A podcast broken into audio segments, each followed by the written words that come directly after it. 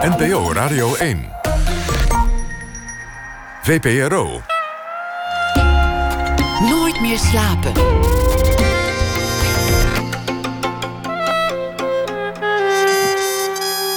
Met Pieter van der Wielen. Goedenacht en welkom bij Nooit meer slapen. Lenny Waasdorp is kunstenaar, beeldend kunstenaar... en tussen het fluiten en kaartjes controleren door... maakt ze ook prachtige foto's, want ze is ook nog conducteur op het spoor bij de Nederlandse spoorwegen.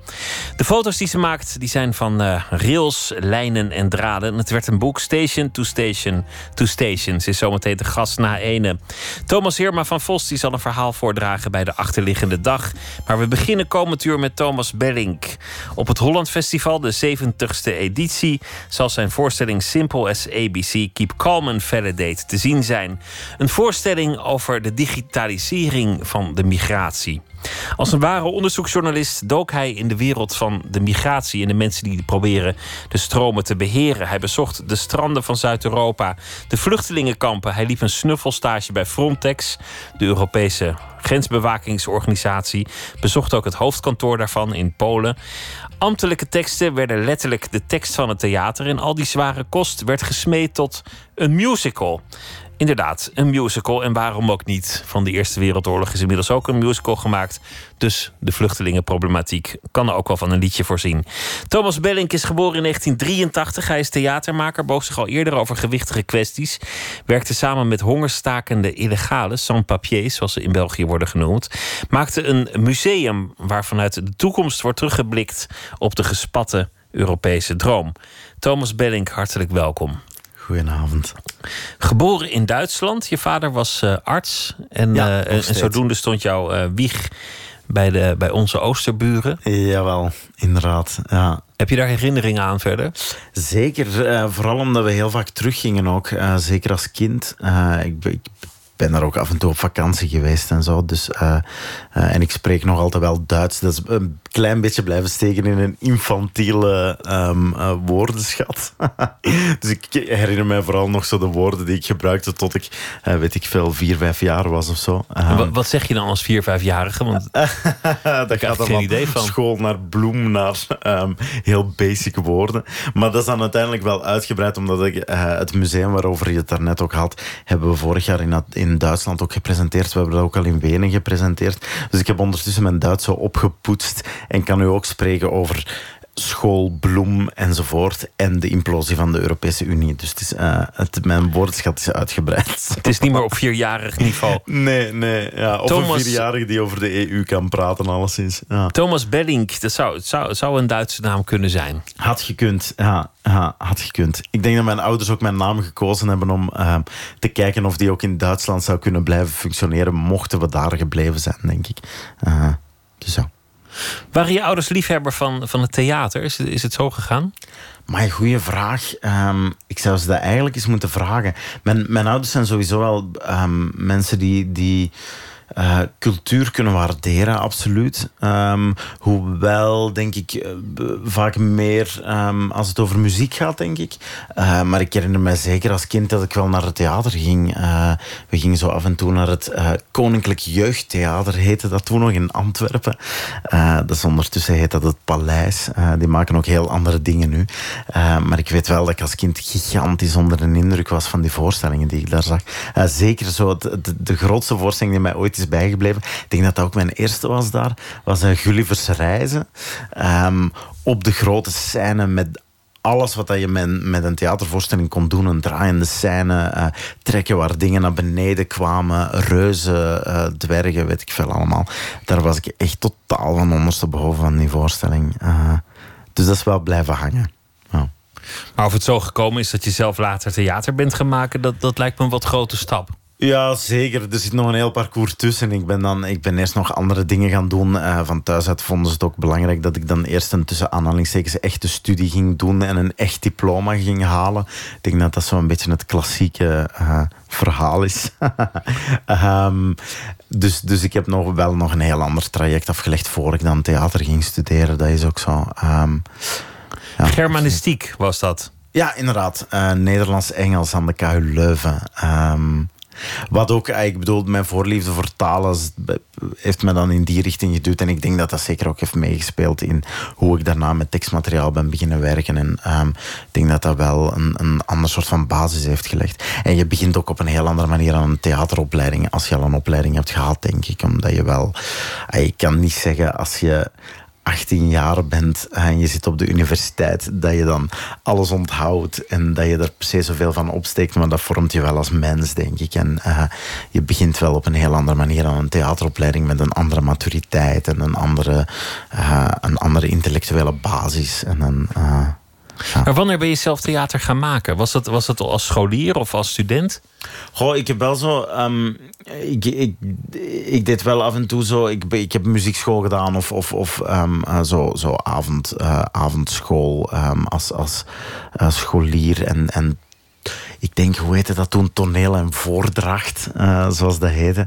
Uh, en, en amateurtoneel heb ik ook nog wel gedaan. Dus ik deed dat wel af en toe. Ik vond dat ook heel fijn. Maar het is niet dat dat per se de richting zou worden of zo. Um, ik ben er op de duur gewoon een beetje ingerold. En dan um, in mijn laatste jaar uh, Germaanse dan iemand tegengekomen. Um, aan wie ik vertelde wat ik eventueel wou doen. En ik dacht dat ik eigenlijk liever dramaturg zou worden dan uh, theatermaker. En uh, die kende dan weer iemand anders die les gaf aan de theaterschool. En die zei dan, hey, misschien moet je gewoon een mail sturen. En ik heb dan zo'n hele lange mail gestuurd. En dan kreeg ik zo'n mail van vijf regels terug met... Ja, uh, binnenkort zijn er audities, schrijf je maar in. Dus ik heb dat dan gewoon gedaan. en Kijk, x aantal jaar later. Uh... Kijk, hier ben je. Yes. Hier zit je. Mm. Jouw ouders waren, waren ook geëngageerd. Want in, in 1989, na de val van de muur... Mm. Uh, Ceausescu, die werd afgezet in Roemenië. Gefusilleerd ook. Ja, afgezet en, en afgeschoten. Uh, afgezet en afgeschoten. Ja. Beelden die, die, die, die nou, iemand van mijn generatie in ieder geval... zich, zich zeer levend, levendig kan herinneren. Absoluut een van de, de, details van die geschiedenis, dat, dat waren de weeshuizen. Zeker, ja. En, en niet eens zo'n klein detail, denk ik. Um, ja, mijn ouders zijn op een gegeven moment in Roemenië terechtgekomen. Dat is trouwens werk dat, dat zich nog steeds voort, voortzet. Um, hoewel hun actieradius zich ondertussen ook heeft, heeft um, uitgebreid richting Oekraïne, waar ze meer en meer actief zijn. Maar dat is inderdaad begonnen met het feit dat onder Ceausescu ja, in de eerste plaats anticonceptie, uh, anticonceptie was verboden. Abort, abortus was verboden. Uh, je werd ook, Ceausescu noemde vrouwen de broedmachines van de staat. En het was de bedoeling dat vrouwen zoveel mogelijk kinderen produceerden. Um, um, die dan het leger van de staat zouden, zouden vormen. Uh, dat werd in de laatste jaren zijn beleid, eh, van zijn beleid steeds megalomaner ook. Als je tien kinderen baarde, dan werd je moeder van de staat, kreeg je medaille, een auto en benzine voor de rest van je leven. En wat in praktijk gebeurde, was dat er heel veel meisjes uh, stierven of in ieder geval verminkt raakten bij illegale abortussen. Zeker, absoluut. en uh, dat je op een gegeven moment echt um, met een, een, een, gigantische groep aan kinderen zit die, um, uh, die thuis niet meer konden worden opgevangen of die thuis werden weggehaald, die, die terechtkwamen in, in ja, het zijn niet eens weeshuizen, te huizen voor kinderen die eigenlijk wel ouders hebben. Um, en die, zeker na de val van Ceausescu, um, uh, een groot deel van die kinderen is eigenlijk door verwaarlozing um, sociaal achtergesteld geraakt. Uh, of heeft een aantal uh, symptomen ontwikkeld. en, en, en is, ja, ik denk dat je dat tegenwoordig al niet meer sociaal gehandicapt mag noemen, denk ik. Maar um, in die periode werden dat um, partieel recupereerbare kinderen genoemd. Wat een heel oneerbiedige term is om te zeggen dat je uh, mits de nodige programma's misschien hen toch nog een, een, een, een, nieuw traject kan aanbieden. Maar wat er in de praktijk gewoon op neerkwam. Uh, dat wij in Roemenië terechtkwamen en dat ik als kind kinderen zag van mijn eigen leeftijd die um, niet konden lopen of praten, gewoon simpelweg omdat er niemand um, um, tijd of middelen had geïnvesteerd om hen dat te leren toekoor. Niemand had uh, ooit naar ze omgekeken waardoor ze nooit hadden kunnen leren praten. Want dat moet je toch doen met iemand anders. Ja, dus je ziet, je ziet echt gewoon kinderen die in bedjes zitten achter spijlen. En die um, met hun hoofd tegen de spijlen bonken. En dan af en toe su suikerwater te drinken krijgen. Um, wat beelden zijn die ik absoluut nooit vergeet. Um, Zwart en mijn ouders zijn dan op een gegeven moment begonnen eerst, eerst heel klein met noodhulp te sturen en, ehm, en ja, kleren, kleren in te zamelen. Zo de klassieke humanitaire eerste hulp. En dat heeft zich dan gaandeweg meer en meer uitgebreid naar andere domeinen. Waarbij ik, ja, mijn ouders zijn, zijn uh, hoe moet ik dat zeggen, um, zijn nogal structurele denkers, uh, denk ik. en uh, hebben heel snel geredeneerd, ja, je kan wel kleren sturen, maar eigenlijk om dat probleem uit de wereld te helpen, heb je, heb je een ander soort van tehuizen nodig hebben dan een aantal tehuizen gebouwd. Uh, dan blijkt dat er eigenlijk geen geschoold personeel is. Dus dat je dan um, mee een opleiding moet opstarten aan de universiteit. Om... het begon ermee dat zij gewoon als nieuwsconsument, zoals, zoals, zoals heel veel mensen die beelden toen zagen. Mm -hmm dat ook zagen. Alleen zij trok het zich aan en dachten: we gaan er naartoe. Wij moeten hier iets mee doen. Wij kunnen hier iets doen. Ja, het begon eigenlijk met je had in die periode zo'n aantal um, winterprogramma's, zoals je ook met Chernobyl had, bijvoorbeeld, waarbij er uh, kinderen uit, um, uh, uit armere gezinnen tijdens de wintermaanden, die de moeilijkste maanden zijn um, om te overleven, waarbij, kinderen, waarbij kinderen uit bepaalde gezinnen dan naar een Europees land konden worden gestuurd om daar in gastgezinnen te worden worden op, opgevangen om die maanden te, um, door te komen. Uh, en het begon dus eigenlijk met mijn ouders die, die een kind uit Roemenië um, bij ons thuis opnamen. Um, en na die drie maanden dat die jongen bij ons verbleef, ja, stapte die gewoon terug een bus op, uh, terug een vliegtuig op en verdween die terug eigenlijk. Uh, en het begon gewoon met de vraag, waar gaat hij in godsnaam naartoe? Waar komt hij in godsnaam terecht? Dus is mijn vader op een gegeven moment met een aantal collega's van hem die ook een, een kind hadden opgevangen, de auto ingestapt en naar Roemenië gereden om te gaan kijken waar die überhaupt uh, terecht kwamen. Um, zo is het een beetje begonnen. En dan, omdat mijn vader arts is, is hij in een ziekenhuis terechtgekomen. Um, en in dat ziekenhuis was een afdeling waar um, uh, de kinderen waar we het daarnet over hadden, um, uh, verwaarloosde kinderen werden opgevangen. Dat was een afdeling die eerst niet getoond werd. Er werden zo'n aantal afdelingen getoond. En mijn vader bleef maar vragen: ja, maar wat zit er achter die deur? En waarom mag ik dat niet zien? En bleek dat er achter die deur dus. Um, uh, tientallen van die kinderen zaten in bedjes. Um, voilà, zo is, en zo is de bal aan het rollen gegaan. En je hebt het als kind gezien. Jij, jij komt er nu ook nog af en toe? Ja, zeker. Zeker omdat je, ja, je ontwikkelt... Ik, ik denk dat in mijn jeugd... Um, zowel elke vakantie, zowel elke um, officiële tijd dat je van school mocht weg zijn... die werd gespendeerd aan naar Roemenië gaan. En um, de weekends werden gespendeerd aan dozen met kleren en medicijnen inpakken en zo. Dus uh, ik heb er heel veel tijd doorgebracht. En uh, het, is, het is nu al, ik denk toch wel al twee jaar geleden dat ik nog eens geweest ben. Maar doorgaans probeer ik wel geregeld terug te gaan. Ja, absoluut. Ja, je bouwt ook gewoon een, een band op met mensen. En, uh... maar, maar komt het ooit goed met iemand als die, als die tot zijn uh, zesde niet kan praten, omdat dat niemand simpelweg de moeite heeft genomen om met, met zo'n kind te praten. Is dat een achterstand die je nog kunt inhalen? Zeker. Er, um, als ik zo. Het is, het is het is moeilijk om, om de effecten op korte termijn te zien, natuurlijk. Um, mijn ouders hebben ook heel verschillende soorten programma's opgezet. Zijn zich gaandeweg ook meer en meer gaan specialiseren in uh, autisme, spectrumstoornissen, dat soort dingen. Um, maar um, als ik zo denk over de, de eerste generatie kinderen die, die zij in der tijd mee hebben ondersteund, dan zijn er toch wel een aantal kinderen die, die ondertussen die volwassen zijn, die bijna even oud zijn als ik, uh, misschien iets jonger. Maar die wel uh, apart wonen, die wel proberen een leven uit te bouwen. Uh, sommige van die, van, van, van die mensen hebben ondertussen wel een baan en proberen wel. Um, je kan niet per se alles um, inhalen en, en oplossen. Um, maar je ja, ik, ik denk dat mijn ouders er wel in geslaagd zijn om, en dat hebben ze niet alleen gedaan. Er is een hele groep mensen die, die hen mee ondersteund hebben, maar om, om een alternatieve thuis te creëren voor, voor een aantal kinderen en een aantal kinderen wel een, een nieuwe toekomst te bieden of een, een, een, andere toekomst. Um. Dat probleem van die generatie, dat, dat is nu al zo lang geleden. Maar intussen doen ze ook andere dingen, zoals je zei. Mm -hmm. Maar dit, dit zegt wel ook iets over, de, over de, de omgeving waarin jij bent opgegroeid. En, en de, de waarden waarmee jij bent grootgebracht. Ik, ik begrijp ineens ook een stuk beter waarom, waarom jouw theater altijd zo geëngageerd is en zo in de wereld staat en zo over, over uh, ja. de, de zwakken van de samenleving gaat. Ja, ja, hoewel dat ik moet zeggen dat het meer en meer de laatste jaren over de... Um, of, of zeker bij de voorstelling uh, die dat we nu spelen komende week, gaat het meer en meer over een elite. Eer, het gaat natuurlijk indirect wel over mensen die...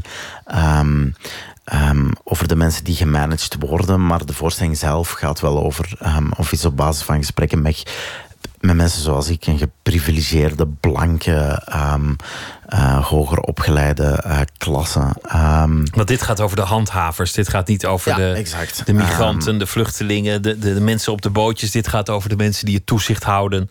En die proberen om, om, om die, die stromen in. Uh, in, in gewenste richting te bewegen. Ja, zeker. Of, of over de mensen die überhaupt het woord stromen ook uitvinden en gebruiken en verspreiden. Um, het, het gaat echt over, over wat voor denken wordt er geconstrueerd, wat voor taal wordt daar rond geconstrueerd um, en wat voor repercussies heeft dat dan in het veld, in de concrete realiteit, waarbij mensen zich gewoon proberen te bewegen om een ander leven uh, te zoeken. Ja, je moet, je moet nog best op je woorden kijken, uh, passen. Mm. Als, je zegt, uh, als je zegt stroom, dan zeg je al iets. Vluchtelingenproblematiek zeg je al iets. Vluchteling, dan heb je eigenlijk al iets. Het, het, het, de waarheid gestuurd in een richting. Zeker, omdat we, we zitten echt met een, op dit vlak met een thematiek waarbij dat je merkt, er, er is de laatste jaren zo'n problematisch discours gegenereerd dat echt heel duidelijke, concrete gevolgen heeft. bijvoorbeeld het feit dat, je, um, dat we de laatste jaren spreken over de vluchtelingencrisis bijvoorbeeld. Waarbij dat je merkt, oké, je kan dat woord ontleden, valt, het, valt uiteen in twee verschillende woorden, vluchtelingen en crisis. Ik zal met het tweede beginnen. Um, crisis, uh, vraagteken. Uh, als je gaat kijken naar um, artikels van de afgelopen 30 jaar, dan zie je eigenlijk dat het woord migratiecrisis of zelfs vluchtelingencrisis eigenlijk de de laatste 30 jaar al volop in circulatie is in de media. In, um, eigenlijk sinds, of ik traceer het meestal naar het moment waarop, um, uh, waarop de Schengenzone werd gecreëerd uh, en de relatie van Europa met landen aan de buitengrenzen radicaal veranderde. De binnengrenzen gingen open, de buitengrenzen gingen volledig dicht. Um, en plots wel, zo plots komt dat ook niet uit de lucht vallen, maar ineens krijg je dan wel um, een hele groep mensen die probeert um, Europa op een andere manier binnen te komen. Uh, en krijg je al die generische beelden die ondertussen um, echt iconisch geworden zijn van mensen in, in sloepen, in pateras die, die aanspoelen op de kusten van de Canarische eilanden bijvoorbeeld. Uh, en sindsdien zie je inderdaad een aantal, een aantal soorten beelden en soorten woorden die meer en meer terugkomen en meer en meer gebruikt worden. Waarbij nu iedereen inderdaad het gevoel heeft dat we in een crisis leven. Maar uh, als je al dertig jaar lang spreekt over crisis, dan moet je stilaan beginnen afvragen wat het woord crisis betekent. Uh, en wat het daar tegenover staat.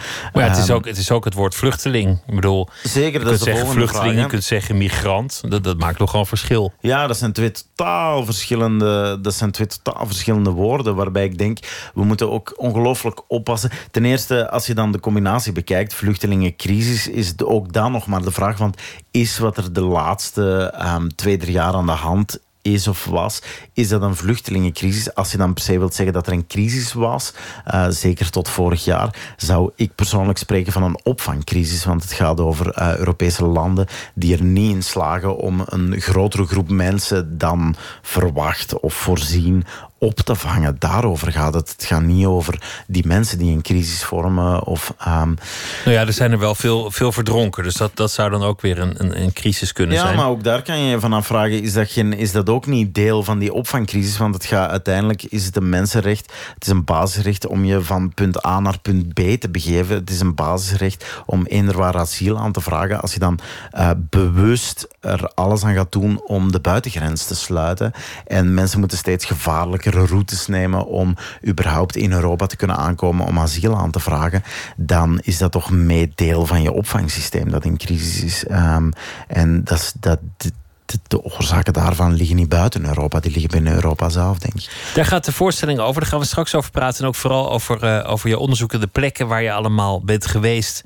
Mm. Want je bent als een soort uh, journalist onderzoek gaan doen om deze voorstelling uh, te maken. Maar eerst gaan we luisteren naar IBEI, een, uh, een, een, duo van Frans-Cubaanse tweelingzussen. En dit nummer heet Away Away.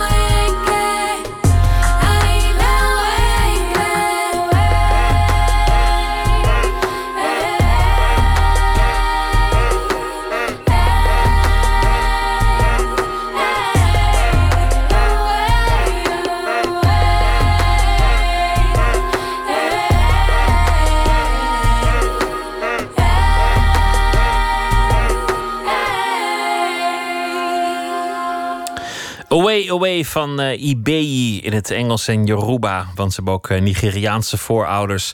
Thomas Belling zit tegenover me. Hij is uh, geboren in 1983, theatermaker. En hij heeft nu een voorstelling die te zien zal zijn op het Holland Festival, de 70ste editie alweer. En die heet Simple as ABC, Keep Calm and Validate. En dat was een, een poster die hij zag hangen toen hij op het hoofdkantoor van Frontex in Warschau was. Ja. Frontex is de, de organisatie die uiteindelijk verantwoordelijk is voor het beheer van de Europese buitengrenzen. Ja. Hoe gaat het als je daar, als je daar dan uh, rondloopt op kantoor? Je, je belt gewoon en zegt: uh, Mijn naam is Thomas, ik ben bezig met een project, kan ik een keer langskomen? Zoiets eigenlijk. Ehm, ja, sowieso in de eerste plaats uh, moet ik nog even zeggen: het, de voorstelling gaat uiteraard niet alleen over Frontex. Voor mij gaat het echt over verschillende agentschappen um, en instellingen binnen de Europese Unie die um, op de een of andere manier betrokken zijn bij wat zij het managen van migratie noemen. Uh, dus dat is Frontex, de Europese Grens- en Kustwacht. Dat is ook EULISA, dat is de European Agency for Large Information Systems. Die beheren uh, alle grote grensdatabanken van de Europese Unie, zowel de Europese vingerafdrukkendatabank Eurodac uh, als um, de Europese visa, uh, visum um, aanvraagdatabank als de Schengen Information System, dus de Schengen databank. Um, Zo'n agentschap, het gaat even goed over de Europese Commissie die uiteindelijk de, de voorstellen doet, de tekstvoorstellen doet en de wetsvoorstellen doet. dus het gaat wel veel breder. Maar dat zijn wel allemaal, uh, allemaal Europese agentschappen of instellingen. Ik ben een Europees burger, dus ik vind ook dat ik op de een of andere manier het recht heb op uh, een bepaald soort informatie. Um, dus ik vind dat ook niet zo vreemd als je vraagt of dat je toegang kon, kan krijgen tot een aantal dingen, dat die ook effectief verschaft wordt. Dat lijkt me wel nee, ik snap wel dat jij dat niet vreemd vindt, maar vonden uh, zij dat ook? Zij vonden dat heel vreemd. um, maar ik, ik, stuur, ik, ik, probeer, ik probeer zo helder mogelijk te zijn over wat ik probeer te doen. Um, ik, ik stuur meestal een heel uitgebreide mail eerst, waarin ik vertel uh, wat het project is. Ik leg ook uit dat ik geen journalist ben, ik ben een theatermaker. Um, dat heeft heel, heel andere implicaties dan als ik um, nieuws zou moeten genereren. Um, dus ik probeer uit te leggen dat ik op langere termijn werk. Ik ben bezig aan een traject, Simple as ABC, uh, wat een reeks is van werken rond um, uh, wat ik soms de, de westerse migratiemachine noem. En um, ja, dat is, een, dat is een reeks van werken die, die een aantal jaren duurt. Dus ik kom ook terug, ik praat opnieuw met mensen. Uh, ik kom niet één keer binnenspringen, um, schiet een paar beelden. Um, dus, dus dat is voor hen heel vreemd, want zij zijn heel gewend om de pers te woord te staan. en dan kom ik natuurlijk aanwaaien en stel heel andere vragen ook, uh, die ze soms veel lastiger vinden om te beantwoorden. dus ja, nee, dat is niet altijd evident, maar ik, ik merkte toch wel steeds een grote openheid Um, of laten we zeggen aan de oppervlakte een grote openheid om toegang te verschaffen tot een aantal plekken. En uh, ik heb best wel wat dingen kunnen zien. Uh, maar je merkt natuurlijk dat die openheid een bepaalde limiet heeft ook. Um, je bent ook uh, je bent in Griekenland geweest. je ja. bent bij de grens met Macedonië geweest. Je bent ja. op, op Lesbos geweest. Ja. Nog een aantal van die, van die plekken. Sicilië, meen ik me ook te herinneren dat je daar, daar bent geweest. En bij Frontex. En je hebt ook zoveel mogelijk geprobeerd om mee te gaan met die mensen die de drenkelingen op zo'n bootje uit, het, uit het water vissen. Om, om echt een beeld te krijgen wat, wat is nou die, uh, die migratie, wat is nou dat werk. Ja, zeker. Maar ja. jij stelt andere vragen, die, die zijn minder feitelijk. Ja, je, je merkt dat zo'n agentschap, dat heeft eigenlijk ja, hoe moet ik dat zeggen? Een groot deel van de voorstelling gaat ook, of, of is ook een onderzoek naar. Je ziet eigenlijk de laatste jaren um, een heel grote verschuiving van politiek meer en meer naar management uh, in heel veel verschillende beleidsdomeinen. Uh, en dat zie je dus ook bij migratie wat voor vroeger migratiepolitiek heette, um, of asiel- en migratiepolitiek, en vandaag dus migratiemanagement heet. Dit, dit, dit moet um, ook alweer gemanaged worden. Ja, dat moet dus ook weer gemanaged worden. Um, managen wil dus ook zeggen dat dingen veel meer in een efficiëntiedenken terechtkomen, in een, uh, in een hoe lossen we dit op denken, uh, waarbij de meeste vragen die meestal gesteld worden en waar zij heel goed, goed zijn uh, in, om, om daarop te antwoorden, zijn hoe-vragen. Hoe doen we dit? Hoe lossen we dit op? Hoe pakken we dit aan? Hoe ehm, verloopt een operatie? Eh, Zij noemen dat operaties, eh, de, de, de acties die zijn verrichten. Eh, hoe doen we dit? Hoe doen we dat? Wat, wat staat er tegenover de hoe-vraag? Wat zou het andere Eh, zijn? de- voor mij is- is de, de grote vraag die er tegenover staat de waarom-vraag. Waarom doe je wat je doet? Waarom, waarom ziet ons Europees grensbeleid er zo uit? Waarom... Maar ehm, als je, als je als uitvoerende instantie in een, in een ambtelijke setting de waarom-vraag gaat stellen, dan, dan is dat meestal het einde van je carrière, denk ik.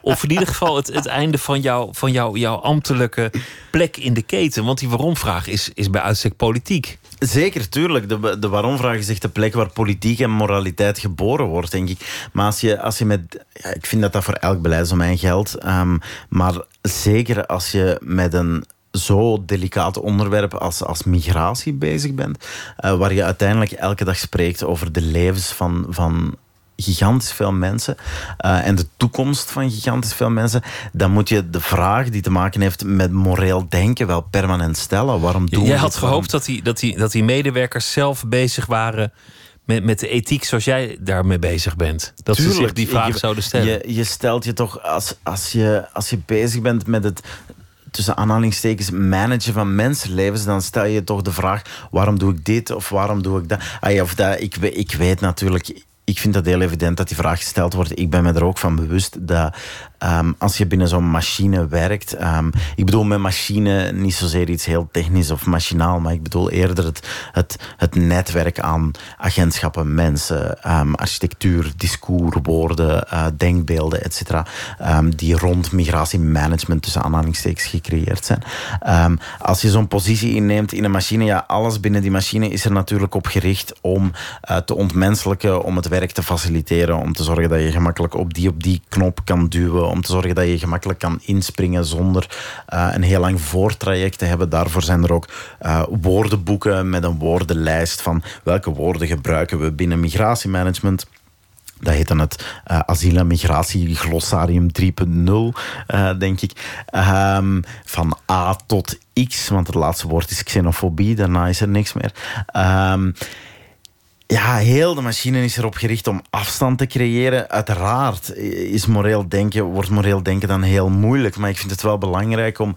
eh, dat is ook wat ik kan doen, denk ik, als theatermaker. En ik weet dat dat super minimaal is, want dat gaat echt over heel kleine steentjes verleggen. Ehm, maar omdat ik dezelfde achtergrond heb als de mensen die ik dan interview voor zo'n project, eh, zijn de blank ehm, man, want heel vaak gaat het ook over mannen, eh, hoog opgeleid, eh, ben ik wel bij uitstek iemand die. ehm, ik ben me ten eerste van die positie bewust. En ten tweede, ik kan ook heel gemakkelijk de lift nemen naar al die glazen torens eh, waar dan die migratiecongressen plaatsvinden en die crisiscentra gevestigd zijn. En ik kan wel die waarom-vraag gaan stellen, want ik vind dat die elke dag in elk kantoor gesteld moet worden. Dus Maar in die zin heb je, heb je wel het idee dat je het ook een beetje doet voor de, eh, eh, voor de mensen op de bootjes die geregistreerd, eh, aangespoeld, opgepikt worden. God, ik weet het niet. Ik doen voor vind ik zo'n gevaarlijke, omdat ik, omdat ik denk, ik, ik help daar niemand rechtstreeks concreet mee. Ik, ehm, eh, kunst is, is zo'n...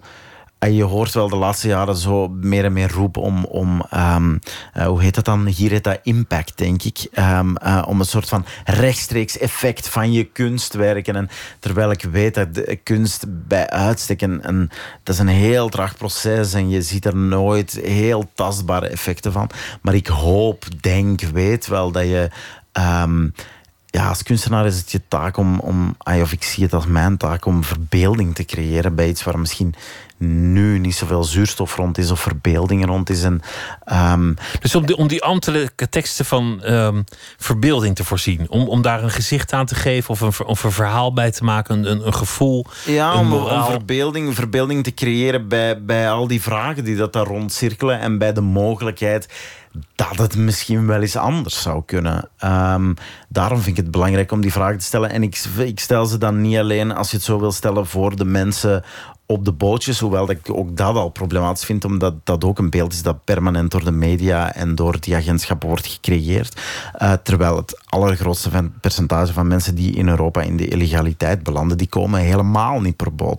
Het zijn mensen die um, vaak gewoon een, een geldig visum hebben, hier terechtkomen per vliegtuig of over land, visum verloopt en dan verdwijnen ze jammer genoeg um, um, ergens tussen de plooien van het systeem. Maar, maar heb je ook, ook bewondering gekregen? Want voor een deel zit het, zit het wel degelijk in die voorstelling.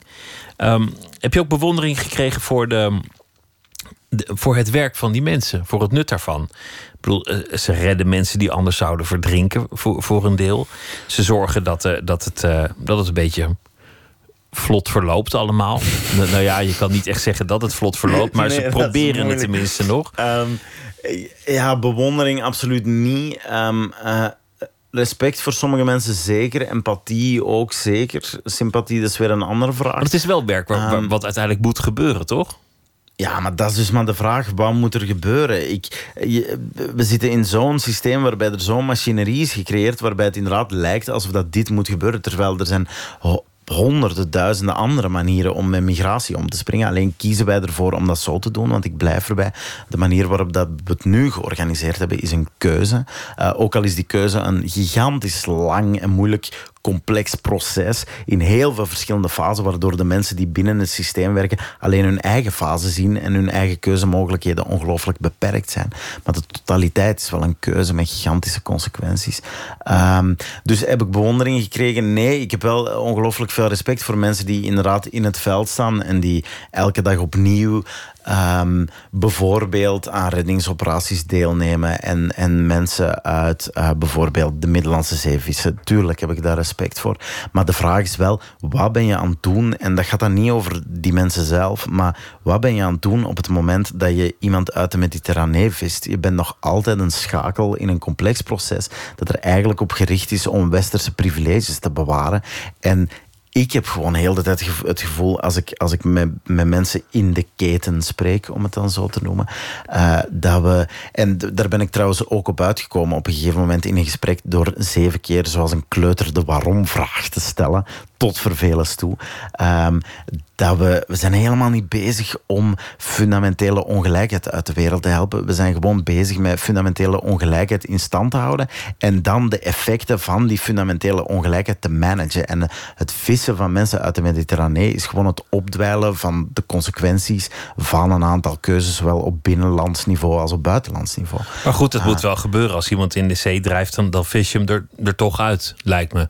Zeker, dat lijkt uh, absoluut, uiteraard. Dat, dat lijkt me toch, toch een, een, een daad, ja tuurlijk, de, de vraag is alleen, zijn er, geen, zijn er geen andere manieren om ervoor te zorgen dat er überhaupt niemand in de zee moet terechtkomen? Maar moet er niet, moet er niet gewoon een veerboot komen zodat iedereen legaal de oversteek kan maken? Ja, bijvoorbeeld. Dat zou, ik, ik zeg niet per se dat dat, dat dat een heel concrete oplossing zou zijn, maar er zijn genoeg stemmen die, de, uh, die daar voorop gaan en er valt iets voor te zeggen. In die zin dat je ziet dat de Europese Unie jaarlijks miljoenen euro's besteedt aan zowel reddingsoperaties als het proberen oprollen van um, mensen, smokkelnetwerken. Um, maar ik, ik, ik, moet je zeggen, ik, ik hoor heel veel debatten over het onderwerp. Dat ik, dat ik soms ook wel het idee heb dat er, dat er aan al die tafels door al die jongens en al die meisjes bij al die talkshows een beetje gehuigeld wordt.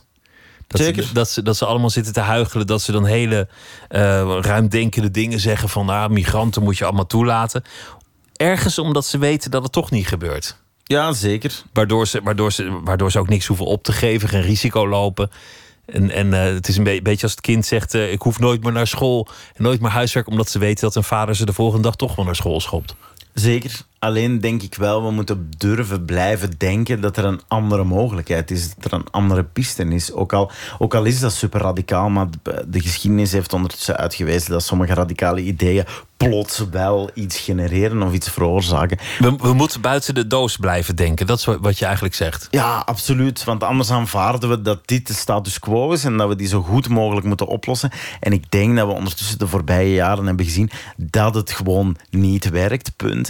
En Maar dat is natuurlijk het beeld dat we permanent aan het creëren zijn. We zijn de hele tijd een beeld aan het creëren, ook, ook hier in Nederland, ook in België, van migranten als mensen die hier plots voor de deur staan. We weten niet van waar dat ze komen of wat dat ze hier komen doen. Ze zoeken een beter leven of zoiets. En wij moeten dan maar een oplossing daarvoor zoeken, terwijl we moeten veel verder teruggaan. Het gaat mij uiteraard ook niet ik denk, ik denk dat je in verschillende fasen moet denken. Je hebt langs de ene kant welke problemen moet je morgen oplossen. Dan heb je de problemen die je volgend jaar moet oplossen. En je hebt de problemen die je over tien jaar moet oplossen en over vijftig jaar. De vraag is op welk moment pak je welk probleem aan. Ik denk dat een veerboot inleggen op de Mediterranee zou een oplossing kunnen zijn voor het feit dat mensen verdrinken op de Mediterranee. Maar dat verandert niks fundamenteels aan waarom mensen überhaupt oversteken. Als en, dan, en dan kom je terecht bij ongelijkheid en, en het feit dat iedereen wil profiteren van, van alle welvaart die er in de wereld voorradig is en dat niet iedereen zin heeft om, om dat te delen en ook niet iedereen op de ander zit te wachten. Zeker als je, als je in de Europese Unie leeft, zoals jij en ik, en uh, je, leeft, je leeft in een politiek bestel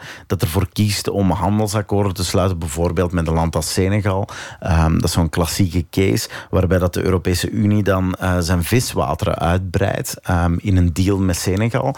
Um, en er plots heel de Senegalese vissersdorpen zijn, wiens visvangsterritorium uh, wordt er, er zijn heel veel dorpen die plots niet meer kunnen vissen in hun eigen gebied, omdat dat ineens Europese wateren geworden zijn. En dus Europeanen daar komen vissen.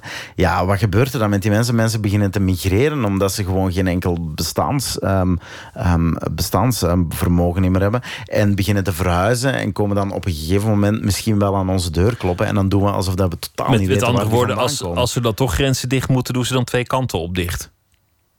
Ja, ik weet niet of dat ik dat gezegd wil hebben. Absoluut niet eigenlijk. Maar ik denk als we het dan toch willen hebben over, net zoals jij zegt, er wordt gewoon ongelooflijk veel gehuigeld over waarom doen we dit? Waarom moeten de grenzen dicht? Waarom? Ik zeg totaal niet dat ik tegen grenscontroles ben, bijvoorbeeld. Maar we moeten echt wel stoppen met migratie op een hoop te gooien. Samen met um, terreurdreiging, samen met sigarettensmokkel, samen met uh, weet ik veel wat allemaal. Ik denk dat we dat stilaan echt moeten scheiden en dat we ons moeten afvragen waar komt de dingen vandaan. Waarom? Ik heb zo'n gesprek gehad met iemand um, uh, waarbij mij een van de mensen die ik interviewde, waarbij die ongelooflijk boos werd op een gegeven moment, omdat ik bleef vragen waarom, waarom, waarom, waarom.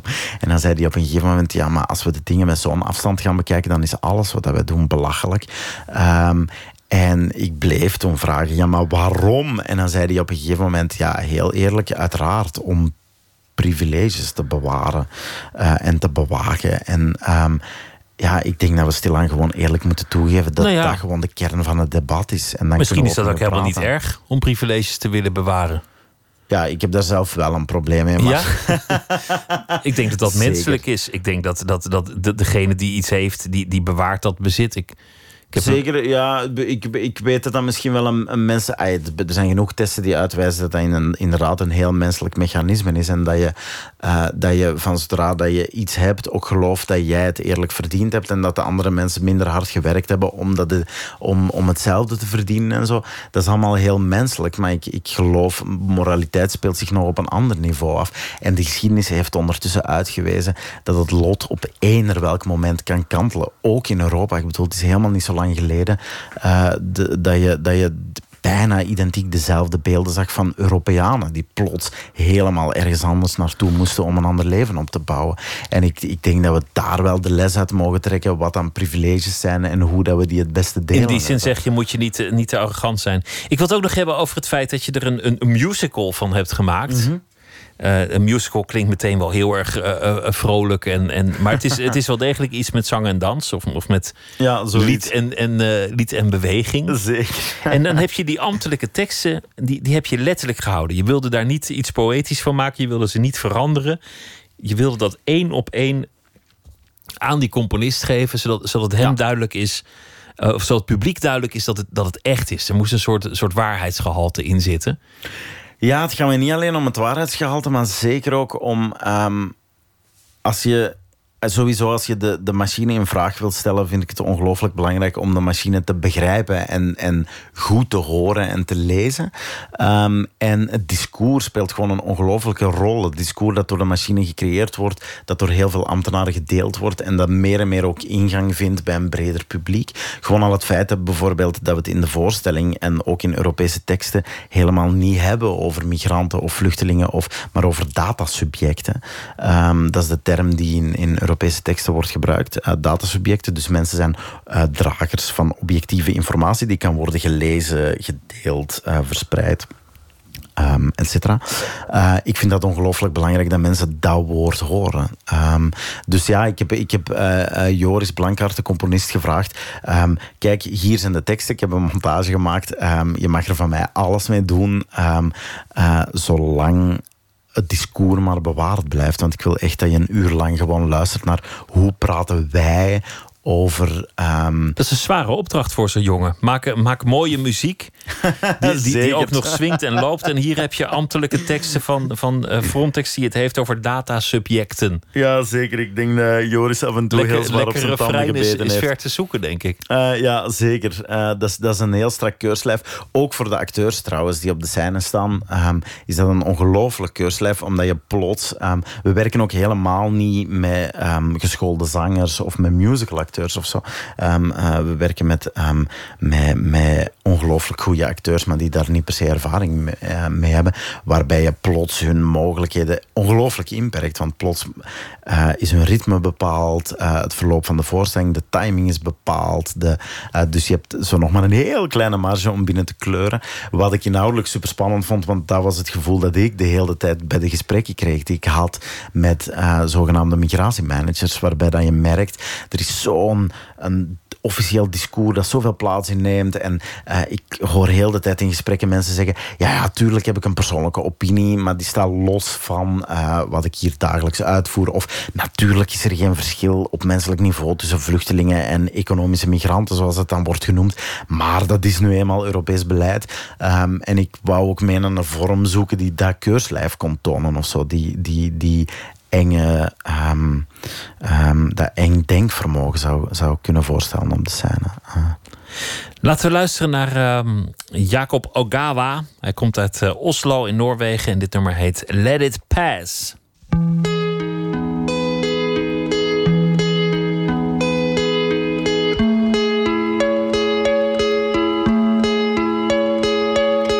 Picking up the phone too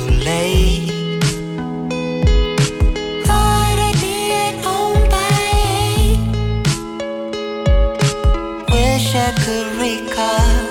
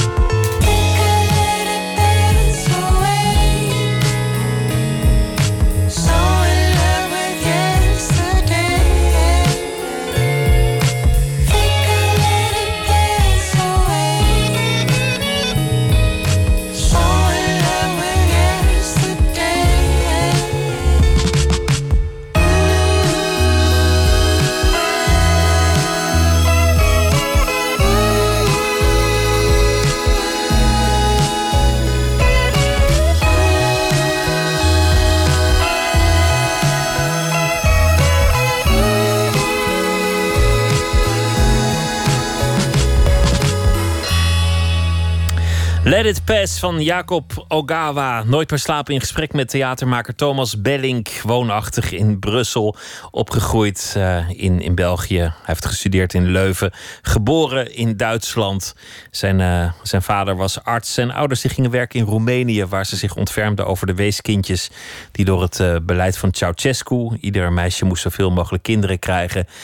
daar ontheemd achter waren gelaten. En toen Ceausescu werd gefusilleerd, kwamen die kinderen ineens eh, aan het licht. En eh, zijn ouders dachten, we, we kunnen wel iets doen, maar het meest kunnen we doen als we daarheen gaan. Een beeld dat jou is bijgebleven. Zelf werd je ook iemand die, eh, die zich ontfermde over anderen. Je maakt voorstellingen en andere kunstwerken die geëngageerd zijn. Onder meer het Museum over Europa, daar hebben we het nog niet eens over gehad. Een voorstelling met eh, mensen die illegaal zijn en in hongerstaking waren. En zo kwamen we over je laatste voorstelling te spreken. Je hebt onderzoek gedaan bij Frontex, de, de grensbewakingsorganisatie. Je bent in, eh, in, bij reddingsacties geweest in kampen. En overal stelde je als een, als een buitengewoon irritant kind de vraag: waarom? waarom, waarom, waarom? En de vraag, daar kreeg je geen antwoord op. Mensen proberen zich toch eh, te concentreren op, eh, op de uitvoering en, en allerlei morele, politieke vragen ver van zich af te werpen, zoals Ja, een, als een ambtenaar betaamt. En toen kwamen we eigenlijk te spreken over dat jij wil bereiken dat mensen buiten de kaders denken. niet, niet te makkelijk zeggen, zo is het nou eenmaal of, of zo hoort het. En de vraag waar je uiteindelijk op uitkomt is ongelijkheid. Zijn we bereid om onze, onze privileges op te geven voor een, een gelijke wereld? Zeker. We zitten, we zitten eigenlijk, eh, er er wordt veel gehuigeld. Waren we het over eens geworden. Ja, absoluut. We bedoelden alleen iets anders. Want jij zei de mensen die zeggen de grens moet dicht blijven zijn aan het huigelen. Ik, ik zei eigenlijk de mensen die zeggen gooi de grens maar open, die zijn aan het huigelen. Maar, maar goed, uiteindelijk is iedereen aan het huigelen. Als dat de conclusie van de avond is, is dat heel cynisch. maar eh, ja, huichelen is veel gezegd natuurlijk. Maar uiteraard, ik, je voelt zeker ook langs, langs linkerzijde... Er, er is een soort van... eh, f- ehm, grensflexibilisering waarmee dan wordt gedweept die... ehm, eh, die, die inderdaad soms op het huigelachtige af is. Want als je dan alle consequenties in vraag gaat stellen, eh, waar ik dan voor ben, en, en alle consequenties op tafel gaat leggen, eh, dan voel je dat mensen zich heel snel toch weer terugtrekken. Terwijl ik denk, waar dat we het er straks over hadden, oké, wat als we ferries inleggen op de Mediterranee en mensen kunnen gratis oversteken, heen en weer tussen, ik zeg maar wat, Afrika en Europa bijvoorbeeld. Maar als we dat eens echt gaan doordenken, wat zouden de consequenties dan zijn? En ehm, eh, ik denk dat het eigenlijk nog niet zo'n geflipte piste is eigenlijk. Ik, ik denk, je gaat miljoenen euro's besparen. Want ik, dat is ook een van de dingen die ik, die ondertussen begin te merken. Zo, ik, heb, ik heb dan heel veel gesprekken met grensmanagers eh, die het hebben over, eh, dat is de laatste jaren meer en meer in zwang, ehm, het, het bestrijden van... ehm, mensensmokkelnetwerken en het oprollen van mensensmokkelnetwerken. Dat is ondertussen een van de grootste criminele activiteiten ehm, ter wereld trouwens. Eh, naast eh, wapenhandel en drugsmokkel. Ehm, en dat is echt een liedje dat zo meer en meer als de war on drugs begint te klinken, die ook al decennia lang bezig is, waarbij, eh, waar, waar jaarlijks gigantisch veel slachtoffers nog steeds bij vallen. En iedere keer als je een netwerk oprolt, dan popt er weer een ander op. En ik ben niet per se voor een compleet legaliseringsbeleid, maar je kan je wel de vraag stellen of smokkelnetwerken, of het nu gaat over drugs of over mensen of over wapens, of dat dat niet altijd de schaduwzijde is van een illegaliseringsbeleid. Het is een, een vergelijkbare discussie. Je maakte dat, dat Europese eh, museum. Je, je, je waande je in het jaar, wat was het, 2060. De Europese droom die was reeds gespat. Yes. Een, een, eh, een hoopvol project dat al lang niet meer bestond. En dat museum kijkt terug Ja. op die tijd die was. Dat betekent eigenlijk dat, dat, je, dat je het idee hebt dat je nu op een soort scharnierpunt van de geschiedenis staat. Zeker, ja, absoluut. Zeker toen ik het museum creëerde. Ik denk, we hebben een eerste versie gemaakt in 2013, was dat, in de, in de Europese wijk in Brussel. Ehm, en in 2013, de, de, de, eh, de crisis was toen al een, eh, een, een, een kleine vijf jaar bezig. Ehm, dus, dus was wel in volle zwang. Ehm, maar had ik wel nog heel erg het gevoel, oké, we staan op een kantelpunt. Ik ben trouwens helemaal niet de enige die dat zegt. Eh, we zitten echt op een scharniermoment. En het kan nog alle kanten En ik wou toen echt als kunstenaar dat scharniermoment laten zien. eh, met een soort van historische afstand die je normaal gezien alleen ten opzichte van het verleden hebt. Eh, en echt vanuit de geschiedenis terugkijken op vandaag alsof het verleden is. Ehm, omdat ik dacht, die afstand kan ons helpen om veel klaarder naar vandaag te kijken als een scharniermoment. Omdat je, eh, je hebt nooit historische afstand ten opzichte van vandaag. Dus iedereen doet maar gewoon verder. En, Als je, als je oude kranten ziet van, eh, van eh, de zomer van 1914 of zo, zeker. dan, dan, dan, gaat het over hele andere dingen. Dan hadden ze het over, eh, over wie er had gewonnen met tennis. Komt er nog een wereldtentoonstelling? Hoe gaat het met de formatie? Mark beschrijft dat ook heel goed. Ehm, ik denk in De Hond van Tishma schrijft hij ergens waar ehm, eh, dat, hij, dat hij onderzoek aan het doen was voor ehm, in Europa. En dat hij toen in de Weense krantenarchieven keek.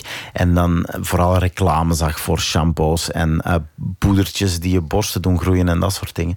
Ehm, en heel weinig over, over überhaupt het uitbreken van de Eerste Wereldoorlog op de dag dat de Eerste Wereldoorlog uitbrak.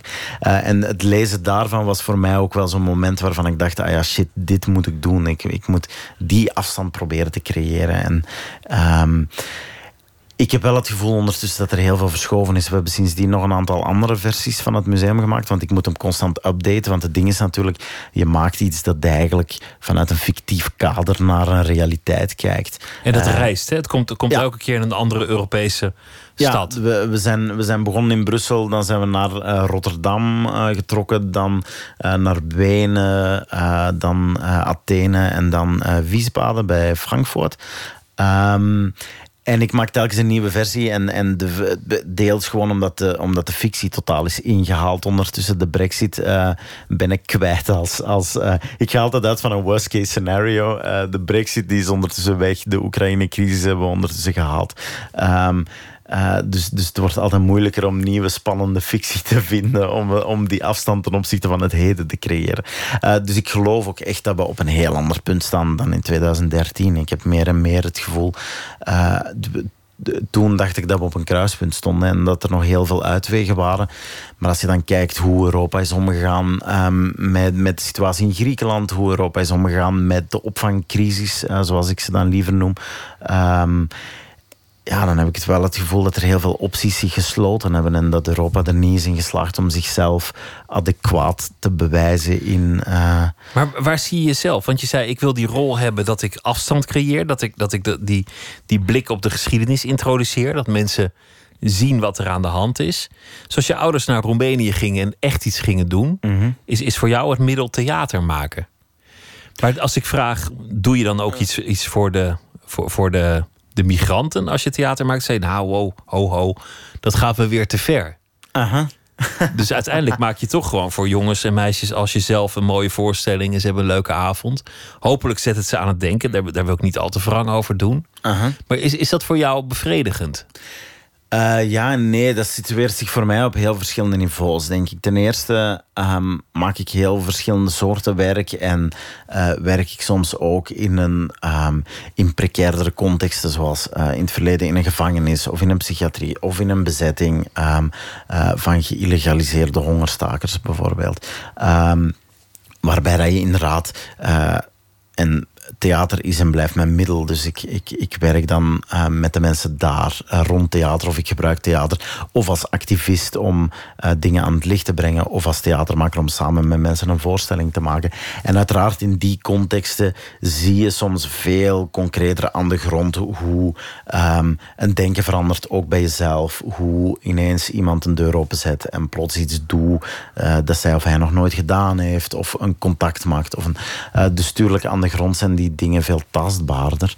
Ehm, maar ik geloof even hard in, eh, in het feit dat je metaforen kan creëren. Dat, ehm, het museum bijvoorbeeld is, is heel snel uitgegroeid tot, tot een soort van metafoor die, die, ehm, die gebruikt wordt door mensen die het museum nooit bezocht hebben. Ik, ik denk dat het aantal mensen die ehm, het museum gebruiken en over het museum praten en het museum kennen, dat die veel groter is dan het aantal mensen eh, die überhaupt het museum bezocht hebben in der tijd. Er zijn speeches geweest van een vicepresident van de Europese Commissie in Bratislava, die dan het museum gebruikte als metafoor eh, om eh, een aantal problemen in Europa bespreekbaar te maken en zo. Ehm, en ik, het gaat mij niet zozeer over een politieke kleur, want dat gebeurt zowel aan linkerzijde als aan rechterzijde, aan progressieve zijde als aan conservatieve zijde. Ehm, ik wil dat ook allemaal niet overdrijven, maar ik hoop dat je als kunstenaar bijvoorbeeld een beeld kan creëren of verbeelding kan creëren en ehm, ook dat hebben wij nodig. Ik, ik, ik, ik vind het zelfs soms problematisch om te doen alsof dat het ene niveau meer waardevol is dan het ander. Ik, ik geloof wel ook ergens, en ik, ik weet dat je daarmee moet oppassen, maar eh, het klassiek idee van de avant-garde is wel effectief dat er iets gecreëerd wordt voor een kleine groep mensen en dat bepaalde ideeën dan doorcijpelen naar een bredere groep mensen. En eh, ik zeg niet dat dat altijd zo geldt. Ik vind dat ook een gevaarlijke piste, maar tegelijkertijd eh, ben ik mij ook wel echt bewust van, als ik deze theatervoorstelling maak, weet ik ook wel, zonder te willen homogeniseren wie er allemaal in mijn zaal zit, uh, maar weet ik ook wel wie het overgrote deel van de mensen is die komen kijken. Dus wil ik ook wel iets maken dat hen aanspreekt en zowel mij als hen kritisch bevraagt en aan het denken zet. En mensen aan het denken zetten. Ik wil daar echt niet cynisch over doen. Als dat is wat ik in deze wereld kan betekenen, vind ik dat ongelooflijk veel eigenlijk. Uh, Mensen dus ook buiten de, de ge- gebaande paden laten denken en buiten de gestelde kaders. Zeker, en, En- en mensen met elkaar in contact brengen. En mensen, ehm, zoals ik daar straks al zei, het feit dat ik de lift kan nemen, het feit dat ik binnen mag bij Frontex. Terwijl ik, ik heb hen ook de vraag gesteld, wat als ik hier zou, zou ik hier bijvoorbeeld mogen terugkomen met een geïllegaliseerde arbeidsmigrant? Zou dat mogelijk zijn? Eh, en dan slaan mensen een beetje in paniek. Nee, Een- een nee, nee, datasubject we noemen ze dat. Een datasubject, zoals ze dat dan noemen. Eh, hoewel jij en ik, wij zijn ook datasubjecten. Dat is eigenlijk een term die breder geldt, maar voorlopig vooral wordt gebruikt ehm, eh, voor, voor migranten. Ehm, ja, dan slaan ze wel in paniek. Eh, dus ik denk, ik voel dat ik wel een verbinding kan maken en ik kan. Ik heb gesprekken gehad met mensen in een kantoor die dat dan zeiden. Ja, ik, eh, het is heel belangrijk dat er iemand binnenkomt en de waarom-vraag stelt, want ik heb met die al maanden niet Iemand moet dat doen. Thomas Bellink, dankjewel. De voorstelling is te zien tijdens het eh, Holland Festival dit eh, weekeinde. Dankjewel. Heel graag gedaan, dankjewel. Op Radio 1. Het nieuws van alle kanten.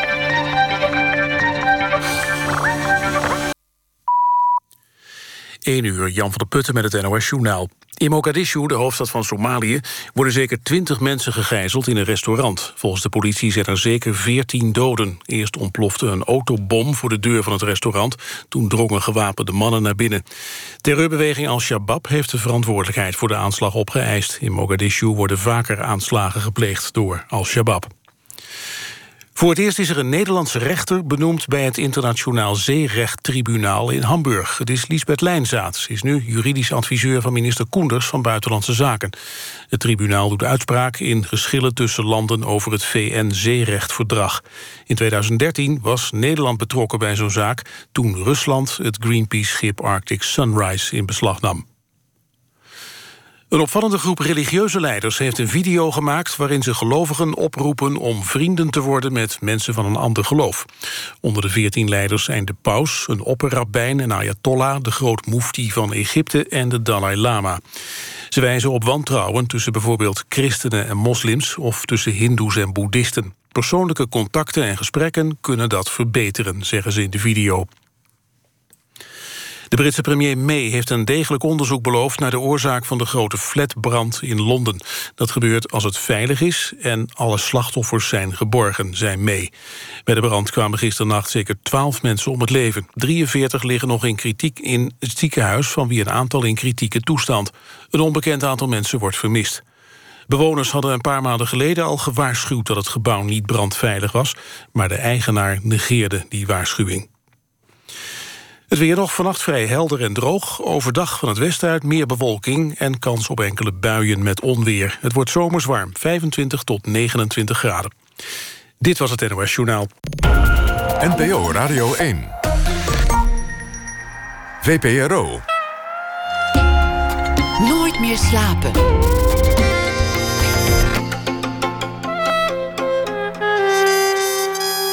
Met Pieter van der Wielen. Theo de Feiter is archeoloog en schilder. Kwam al jaren in Syrië. Schilderde daar vroeger nog wel eens een oude ruïne. Maar wat als de ruïnes geen duizenden jaren oud zijn, maar ineens maar drie maanden. Ook dat werd een eh, tentoonstelling. Zometeen aandacht eh, daarvoor. Lenny Waasdorp komt op bezoek. Kunstenaar en conducteur en heeft een eh, boek gemaakt met foto's die ze onder het werken maakte. Station to Station to Station. En Thomas Herma van Vos zal een verhaal maken bij de dag die achter ons ligt. Maar nu het cultuurnieuws.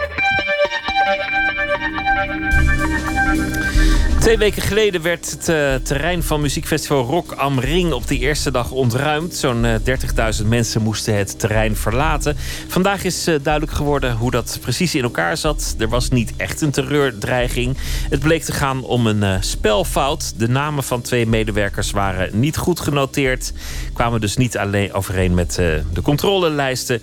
Ze probeerden het terrein op te komen en toen werd er groot alarm geslagen. En uiteindelijk zijn zelfs 87.000 mensen van het eh, terrein ontruimd.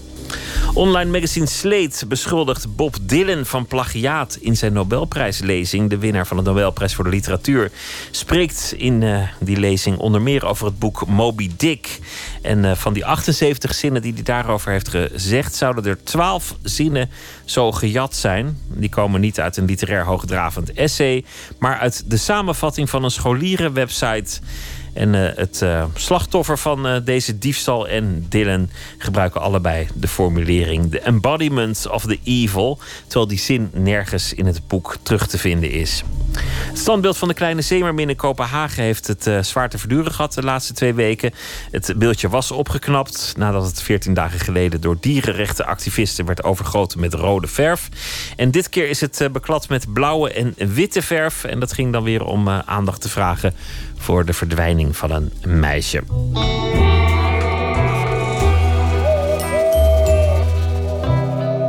Uit Australië, Stu Larsen met eh, Chicago Song. She came down from Chicago where the mighty winds blow. She was a picture in a frame. And she said, I gotta hit the highway. Are you going my way? She didn't say her name.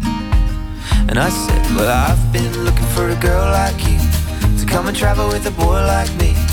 Would you come and sing a little melody? And I've been waiting for a partner in crime. Split every dollar and share every dime. When you come and sing a little harmony.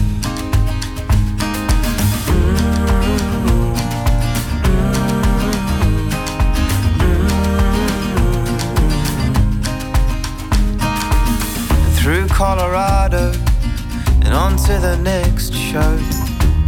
We were dancing in the street. It didn't matter where we were, as long as we're together. We could always feel the beat. Cause I've been looking for a girl like you to come and travel with a boy like me. Would you come and sing a little melody?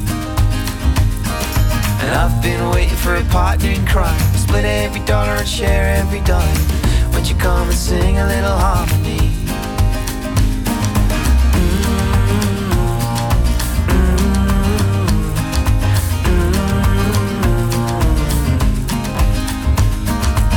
We hit San Francisco, and it felt just like home. And we didn't want to leave. But we got back on the road, and we were following the coast to see what we could see. I've been looking for a girl like you to come and travel with a boy like me. Would you come and sing a little melody?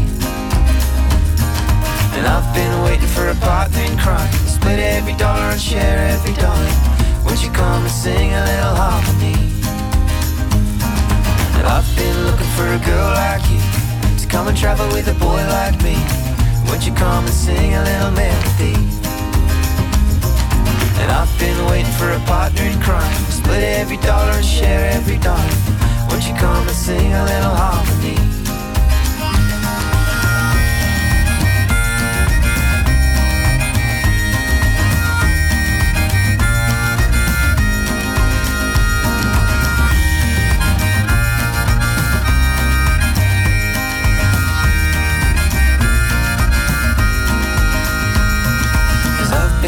For a girl like you to come and travel with a boy like me.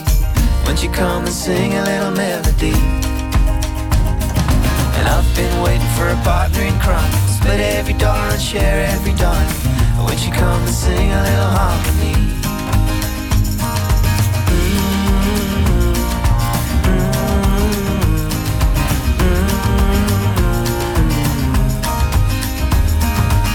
Down in San San Diego.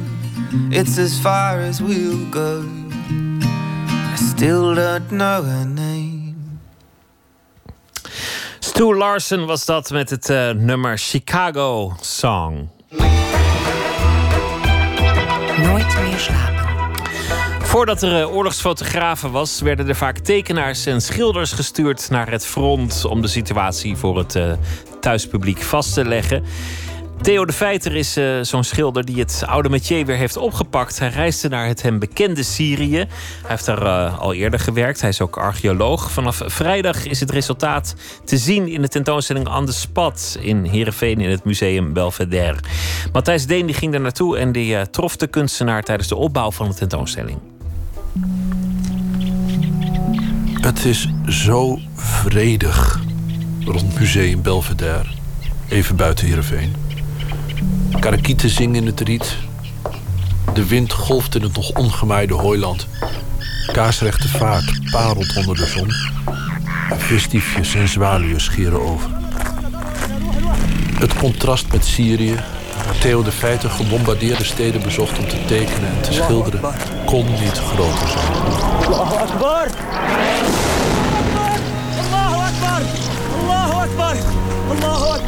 De tekeningen en gouaches staan in een van de expositieruimtes tegen de muur, klaar om te worden opgehangen. De meest recente zijn tekeningen van mensen en ruïnes.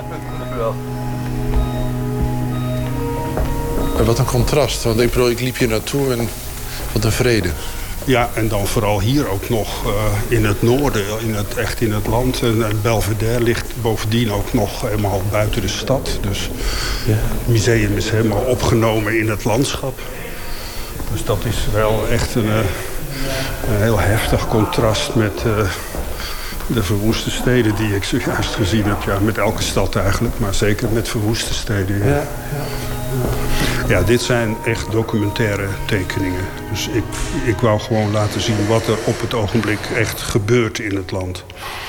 Ehm, dus ja, dat zijn ja, een soort reportagetekeningen zou je kunnen zeggen. En dus ik was met een klein gezelschapje, eh, embedded ook. Dus we hadden iemand mee van het eh, ministerie van Informatie. En daar was een fotograaf bij, een, film, een filmer en twee schrijvende journalisten. Uh, dus, en, en ik dan als kunstenaar. Vroeger was dat een hele normale rol voor een kunstenaar. Hè? Om als Ja. reportagetekenaar dan ook inderdaad naar oorlogsgebieden te gaan en zo. Maar dat is helemaal ehm, ja, verdwenen eigenlijk. De krant heeft het wel geplaatst en vond het ook heel, heel leuk om, om dat te doen. Maar ze waren het duidelijk niet meer gewend. Dus ik stond dan met die tekeningen op de buitenlandpagina. Dat vond ik wel een ervaring eigenlijk. Ja, dat, ja. We kunnen hier niet zo goed praten, dat merk ik al. Er wordt eh, getimmerd. Maar misschien eh, kunnen we even er langs lopen. Voordat we naar een rustige ruimte zoeken, wil Theo me nog de schilderijen uit Palmyra laten zien. Die hij op een eerder bezoek Deze maakte. Eigenlijk is op elk schilderij, het zijn vijf schilderijen, maar op elk schilderij is wel iets, staat iets wat nu verdwenen is. En van een opgraving waaraan hij onder andere in 1985 meewerkte. Theo is ook archeoloog. En vertaler van, laten we het maar, oud spijkerschrift noemen. Ook opgeblazen. Hij kent de regio, hij kent de geschiedenis van de regio als geen ander. Vreemd genoeg kwam hij dus altijd al in Syrië voor ruïnes. Maar dan van duizenden jaren oud. Geweld is niet nieuw in de regio.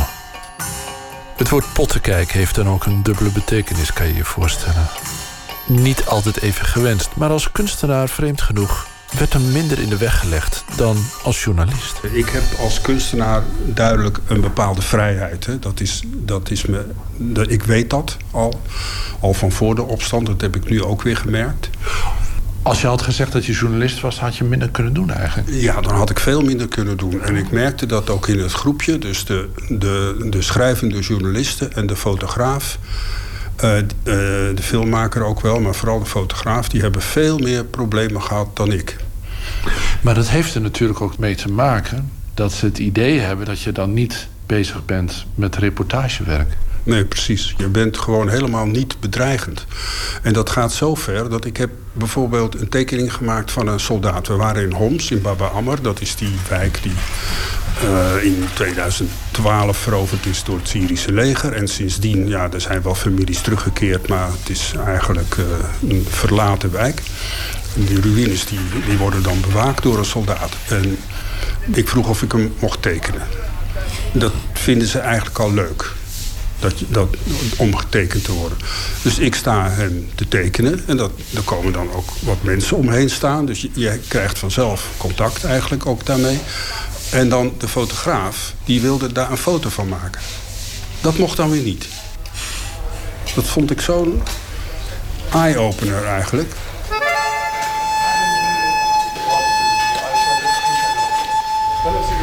Eh, het verschil tussen een tekenaar en een fotograaf... dat is dat je als tekenaar meestal veel meer tijd investeert. Dus je bent daar... eh, ik maak die tekeningen wel tamelijk snel hoor... maar altijd nog veel langzamer dan een fotograaf natuurlijk een foto maakt. Eh, dus je staat daar toch een tijdje. En er komen mensen om je heen staan, daar praat je mee. Je laat die dingen zien. Je vraagt, je vraagt zijn naam, hoe heet je? Dan schrijf ik je naam op die tekening. En daar zijn ze dan trots op. En een, een tekening is iets bijzonders. Een foto kunnen ze zelf ook maken. Dat denken ze dan natuurlijk. Dat denkt iedereen altijd. En een tekening, dat kan niet iedereen maken. En, maar ik wel. En dat is dan dus heel leuk en interessant.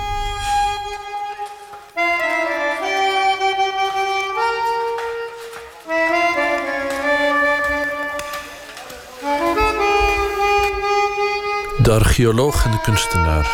Ondeelbaar in één persoon. Theo komt al 30 jaar in Syrië. Ook toen hij als archeoloog opgravingen deed, tekende hij.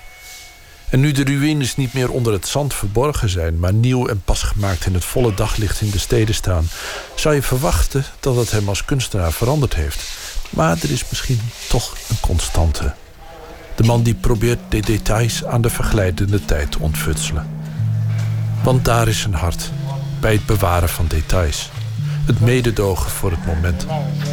Of hij nou jaren achtereen iedere dag hetzelfde uitzicht uit het raam van zijn atelier tekent, want dat doet hij. Of een stuk geschoten huis in Homs nu.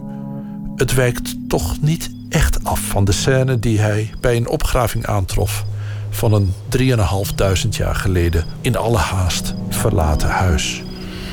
Niet zozeer omdat dat gebouw dan verbrand was, maar dat was in zijn geheel ontruimd. Dus in de laatste fase was het ontruimd. En blijkbaar was er dus, althans dat is wat je dan gaat denken, eh, een dreiging van buitenaf. En hebben ze hun spullen meegenomen en, eh, en zijn vertrokken. En daar zag je soms ook de sporen van. Dat je dus dat iemand dus met zijn huisraad in zijn armen een kamer verlaat in haast bij de deurpost, aan de deurpost zich stoot, iets laat vallen, weer verder loopt, geen tijd om dat op te rapen. Het is, het is trouwens toch kapot, dus laat maar, laat maar liggen. En zo kon je dan, heb ik één vloer opgegraven waar je zo'n spoor zag van zo iemand die blijkbaar met spullen in zijn armen haastig die ruimte verlaat. En plotseling zie je dan iemand lopen. Die, en dan komt dat hele verhaal erbij. Dus dat is wel heel mooi.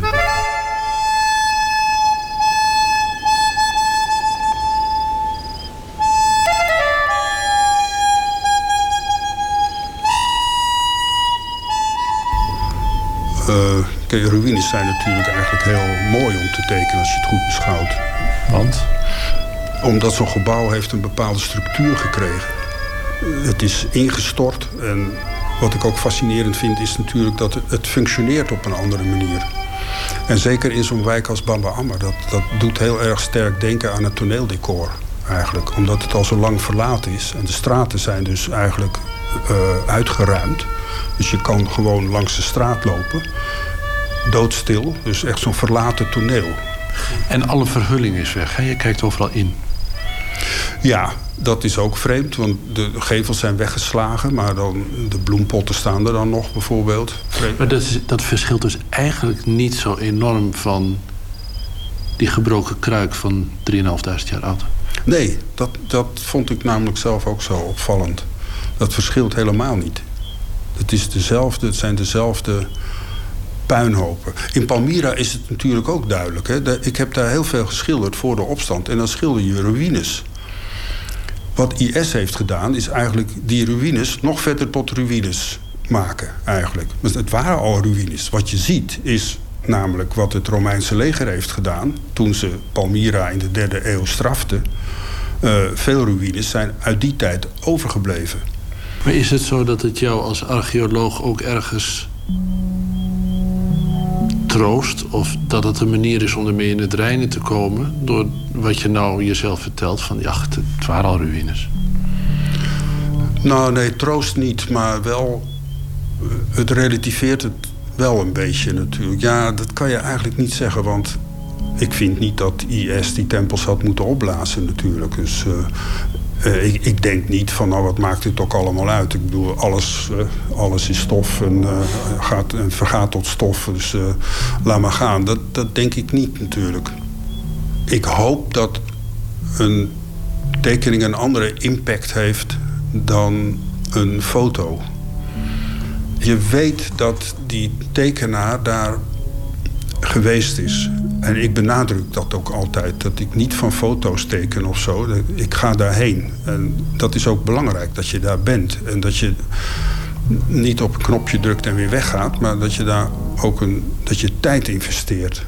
En, en ik hoop dat dat een beetje zichtbaar is in die tekeningen. Dat, dat, dat er in geïnvesteerd is en dat, je, en dat het als het ware daardoor herkenbaarder is voor, voor mensen. Al is het maar omdat het een medium is wat je niet zo vaak ziet. Dat mensen even denken, oh ja, wacht even, dat, dat gebeurt daar dus. Dat, dat moet een beetje zichtbaar zijn eigenlijk in die tekening, hoop ik. Schilder Theo de Feiter over het werk dat hij maakte in Syrië. De tentoonstelling is te zien in Heerenveen in Museum Belvedere en begint vrijdag. Een bijdrage van Matthijs Deen. Hier is Beck met Blackbird.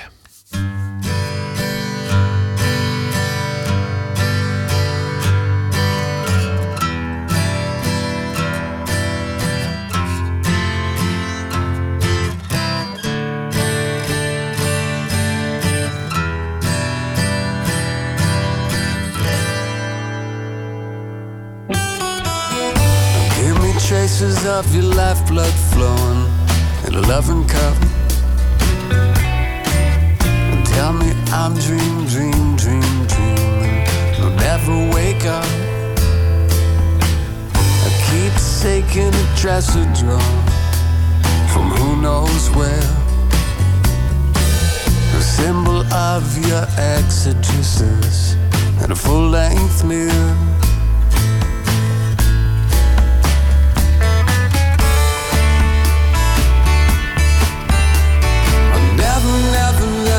Never, never, never, never refuse you.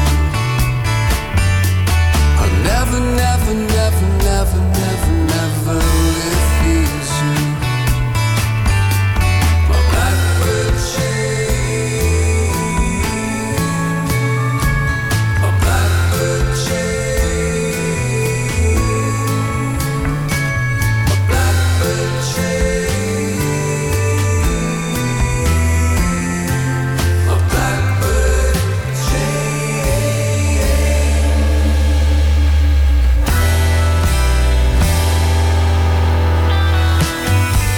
SOS from an outpost there, and a common air. I could read you a brief account of the last frontier. We could come to understand what's wrong, as right as rain. The rock bottom of a hollowed ground, where you stake your claim.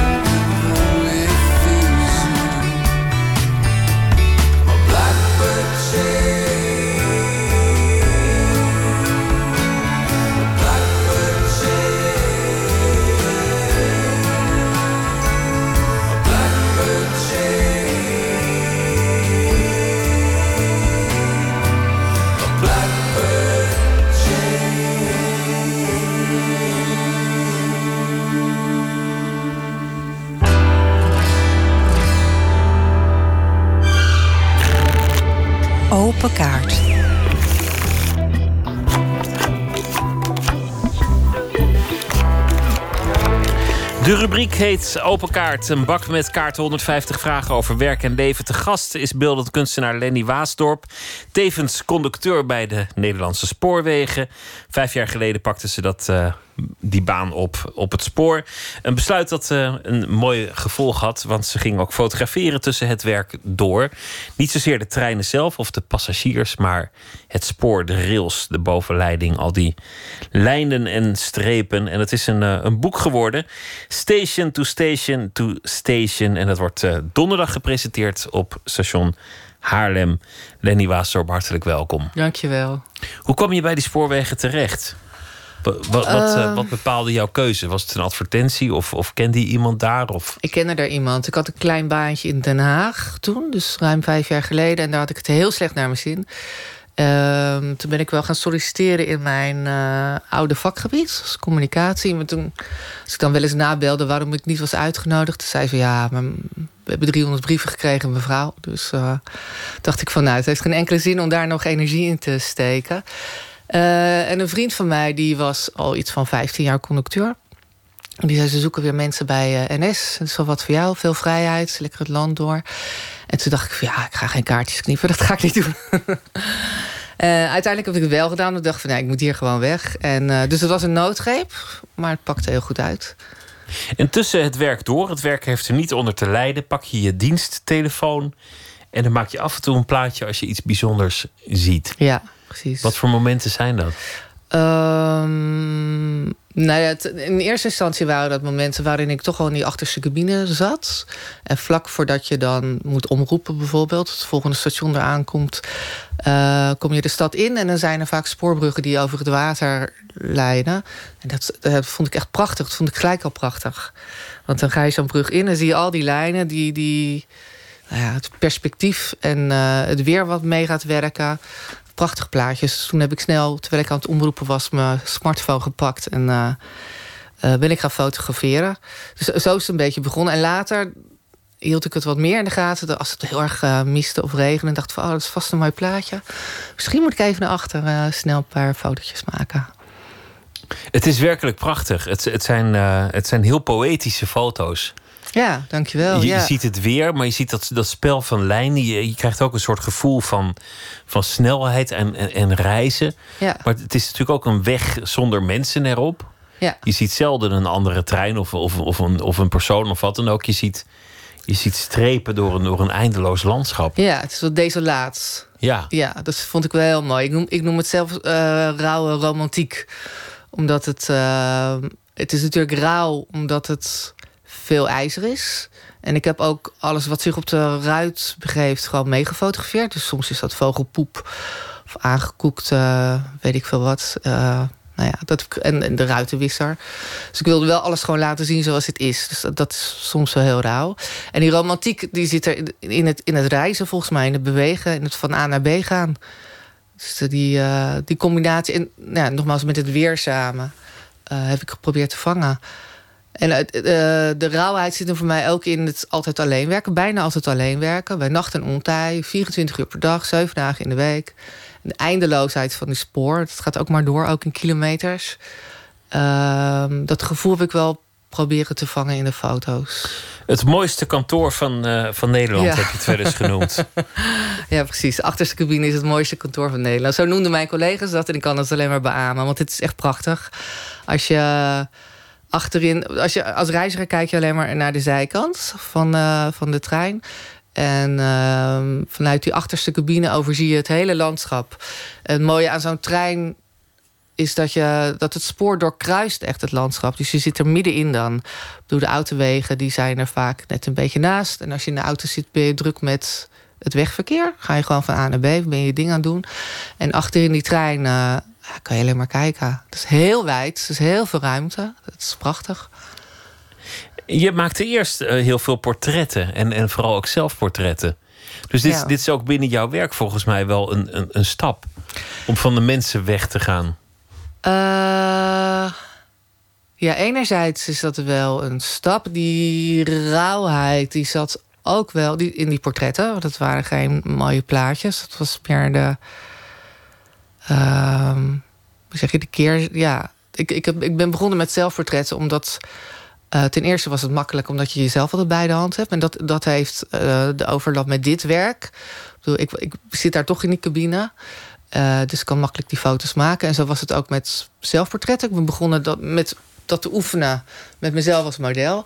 En ik wilde graag een eh, reactie geven op eh, alle mooie portretjes... die continu maar op Facebook werden geplaatst. Ik dacht van ja, het leven is gewoon niet altijd leuk en mooi. En eh, ik vind het verwarrend als ik alleen maar dat soort plaatjes zie. Dus ik ben toen meer wat gruwelijke portretten van mezelf gaan maken... en die gaan posten.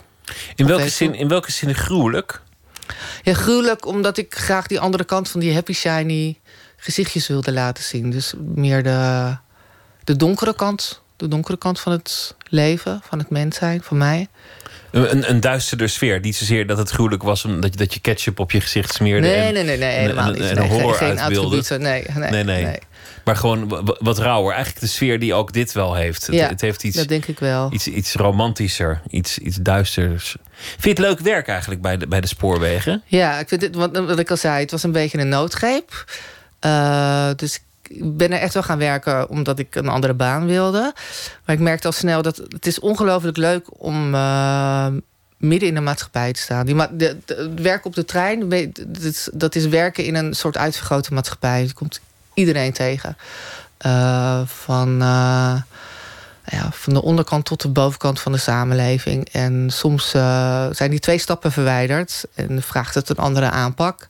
En dat, ja, dat vind ik echt heel intrigerend. Ik heb tussen mijn negentiende en mijn dertigste met mensen met een verstandelijke beperking gewerkt.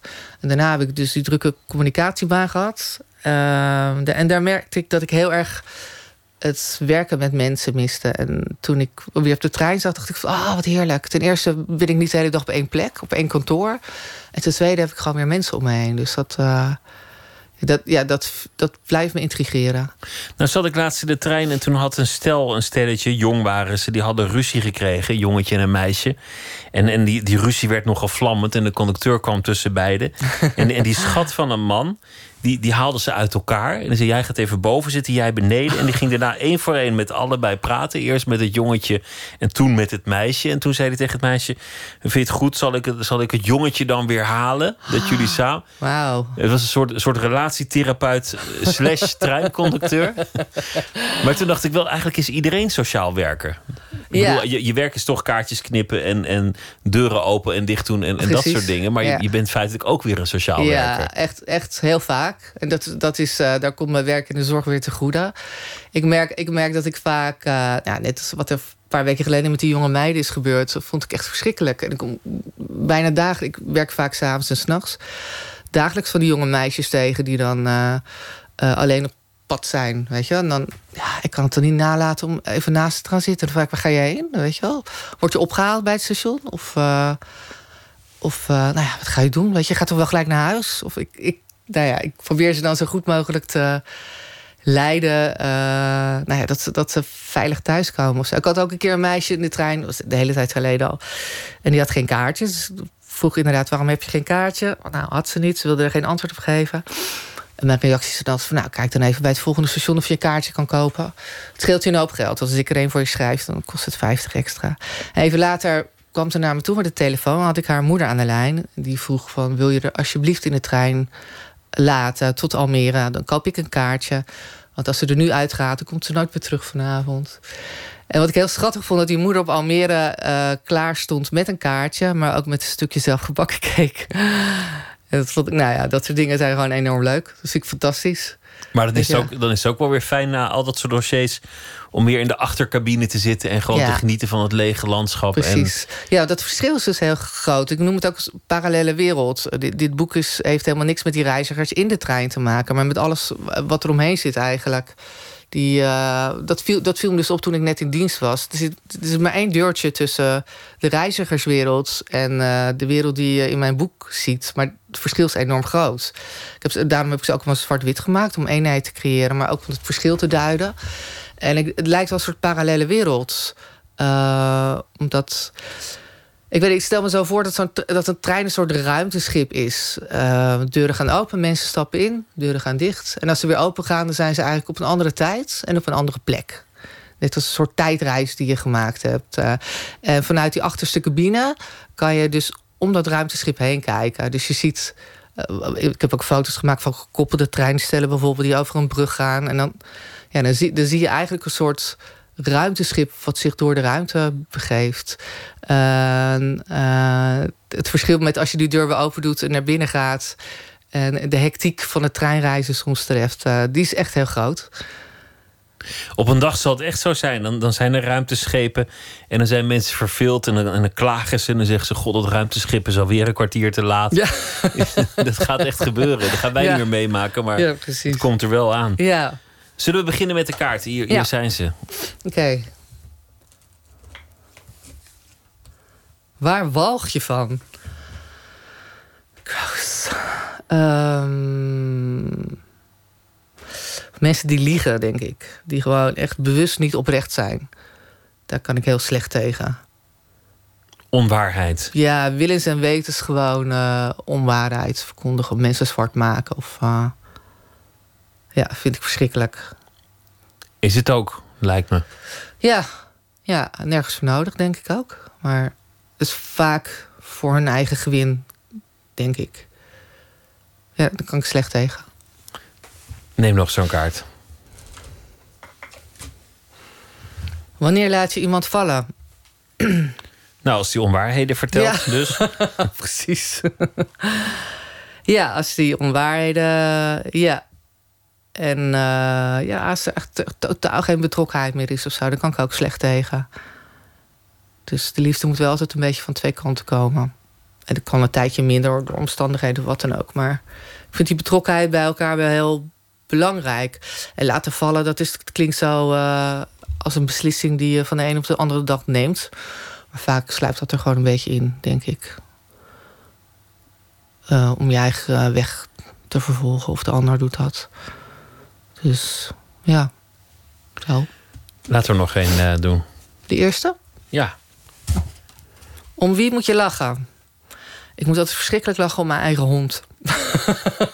Ja, vertel eens, wat, wat, wat doet hij? Nou, dit is gewoon, eh, ik vind het gewoon een heel gek beest. Maar ehm, ze doet allerlei dingen die ze niet mag doen. Maar ze kan bijvoorbeeld wel mijn schoenen pakken als ze uit wil. Dus daar moet ik dan echt verschrikkelijk om lachen. Het valt, het valt heel moeilijk te sturen. Ik noem dat altijd mijn moeilijk opvoedbare hondje. En eh, ja, ik kan me enorm aan het lachen maken. Die mag niet, niet meer de trein op, zeker? Als je, als nee, je dat moet- vindt ze ook verschrikkelijk. Daarom zei ik van, ik kan er echt gewoon geen... geen eh, het valt moeilijk iets bij te brengen. Ze, ze blaft echt eh, de hele trein bij elkaar als ze erin stapt. Dus dat, heb ik- dat heb ik ook maar gewoon opgegeven. Maar dat ze mijn schoenen pakt, daar ben ik dan wel weer heel blij mee. Dat is wel weer grappig. dat is wel weer grappig. Ja, Laten we nog één doen. neem ik de laatste. Wie of wat is de liefde van je leven? Eh, wie of wat is de liefde van je leven? Nou, wie? Dat zijn wel eh, mijn familie en beste vrienden. Waar ik echt heel blij mee ben. Door de jaren heen. En wat is toch denk ik de kunst? Want ik denk beide omdat ze gewoon een, eh, een continue factor in mijn leven zijn. Dat vind ik echt heel fijn. En veel, ja, vooral de kunst gewoon inhoud geven aan mijn leven. Hoe kwam die kunst eigenlijk in jouw bestaan? Wa- Was het al van, van jongs af aan erin ge- ingegoten? Was het iets waar je mee opgroeide? Nee, echt helemaal niet. Nee. Ehm, ik kom eh, uit Leiden, uit het centrum van Leiden. En ik ben echt opgegroeid met de zangeres zonder naam.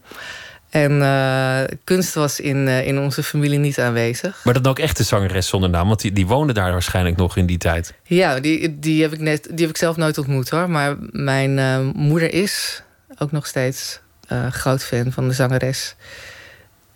Dus dus ja, daar ben ik mee groot gegroeid. Helemaal niet met kunst. Later op de middelbare school ben ik wel gaan tekenen. Heb ik ook eindexamen tekenen gedaan.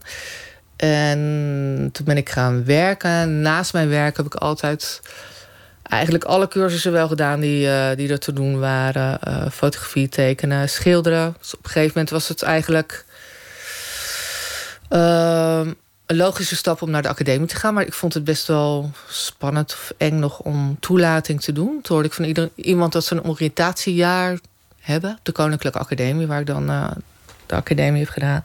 Waar je geen toelating voor hoeft te doen. Dat heb ik gedaan. En halverwege dat jaar was het ook... dat was de enige stap die ik nog kon maken... om mezelf verder te ontwikkelen... om wel de academie te gaan doen. Dus dat is echt wel heel langzaam aan... Nee, het was er eigenlijk altijd al, maar ik heb dat nooit serieus als, eh, als eh, werk ervaren of zo. Meer iets wat je ernaast deed, omdat ik ook dat voorbeeld niet in mijn omgeving had. En dat is nu wel anders inmiddels, door de jaren heen. Ja. Dus na de academie eh, in Den Haag heb ik nog een paar maanden in Istanbul gestudeerd aan de academie. En ook nog een soort postacademische DNA gedaan daarna. En uiteindelijk ook wel naam gemaakt en, en toch wel je sporen verdiend in, in de kunst. Het is wel, eh, het, het is wel gaan bewegen, Ja. alle dingen die je doet. Ja, precies. Vooral de laatste twee jaar, denk ik. Ja. ja, daar ben ik ontzettend blij mee, want ik voel me daar goed in thuis. Ja. Het boek heet eh, Station to Station to Station. Lenny, dankjewel. Lenny Waastorp. Heel graag gedaan. Sam en Dave. In de jaren 60 eh, waren ze een eh, wereldberoemd Amerikaans soul duo. Double Dynamite werden ze ook wel genoemd vanwege hun energieke optredens. 1967, I Can't Stand Up for Falling Down.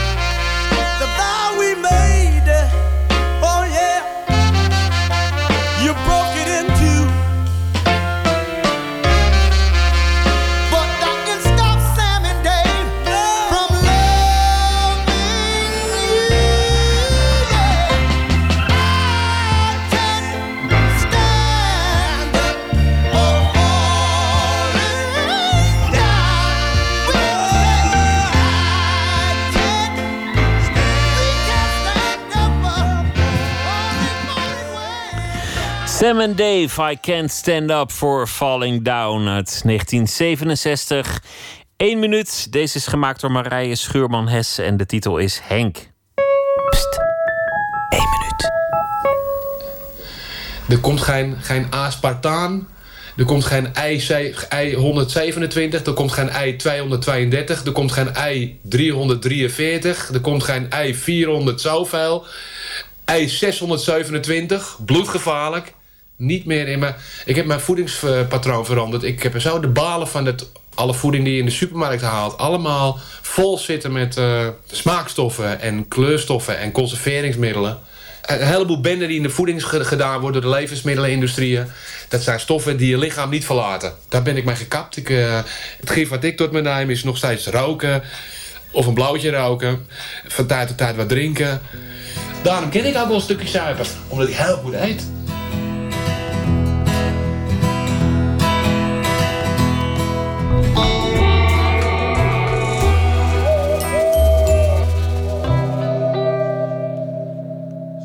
Thomas Herma van Vos is deze week onze vaste schrijver. Hij zal elke nacht een verhaal maken bij de voorbije dag. Thomas, goeienacht. Goeienacht, Pieter. Wat was, eh, wat was het voor dag voor jou? Wat heeft je bezig gehouden? Voor mijzelf was het een, een aangenaam rustige dag. Waarop ik, eh, nou ja, zoals ik dat eigenlijk hoop, waarop ik gewoon rustig aan een, een a- afronden van een boek kan werken. Dat is heel fijn. En intussen dat af en toe radio aan te staan. En ik ververste vooral nu.nl en ik keek naar Twitter en dergelijke. En gisteren zei ik al van nou, de, de formatiepogingen eh, zijn nu gestrand. Dus dat spel is even ten einde. Maar dan begint er eigenlijk een heel nieuw spel. En dat zag je vandaag volgens mij heel duidelijk. Het, het spel van welk verhaal daar nu van wordt gemaakt. En eh, gisteren was Jesse Klaver ook bij Jinek. En er wordt heel veel met vingers gewezen. En er wordt vooral naar GroenLinks gewezen. En er ontstaan dan heel nieuwe... Ja, er ontstaat eigenlijk een soort tweede ronde of een derde of vierde ronde. Maar een heel nieuw, heel nieuw palet. En dat, Ja, eh, van elkaar de schuld geven. Dus je hebt de mensen die zeggen... die Klaver die, eh, die heeft zijn kans gemist om aan tafel te zitten en, en mee te doen.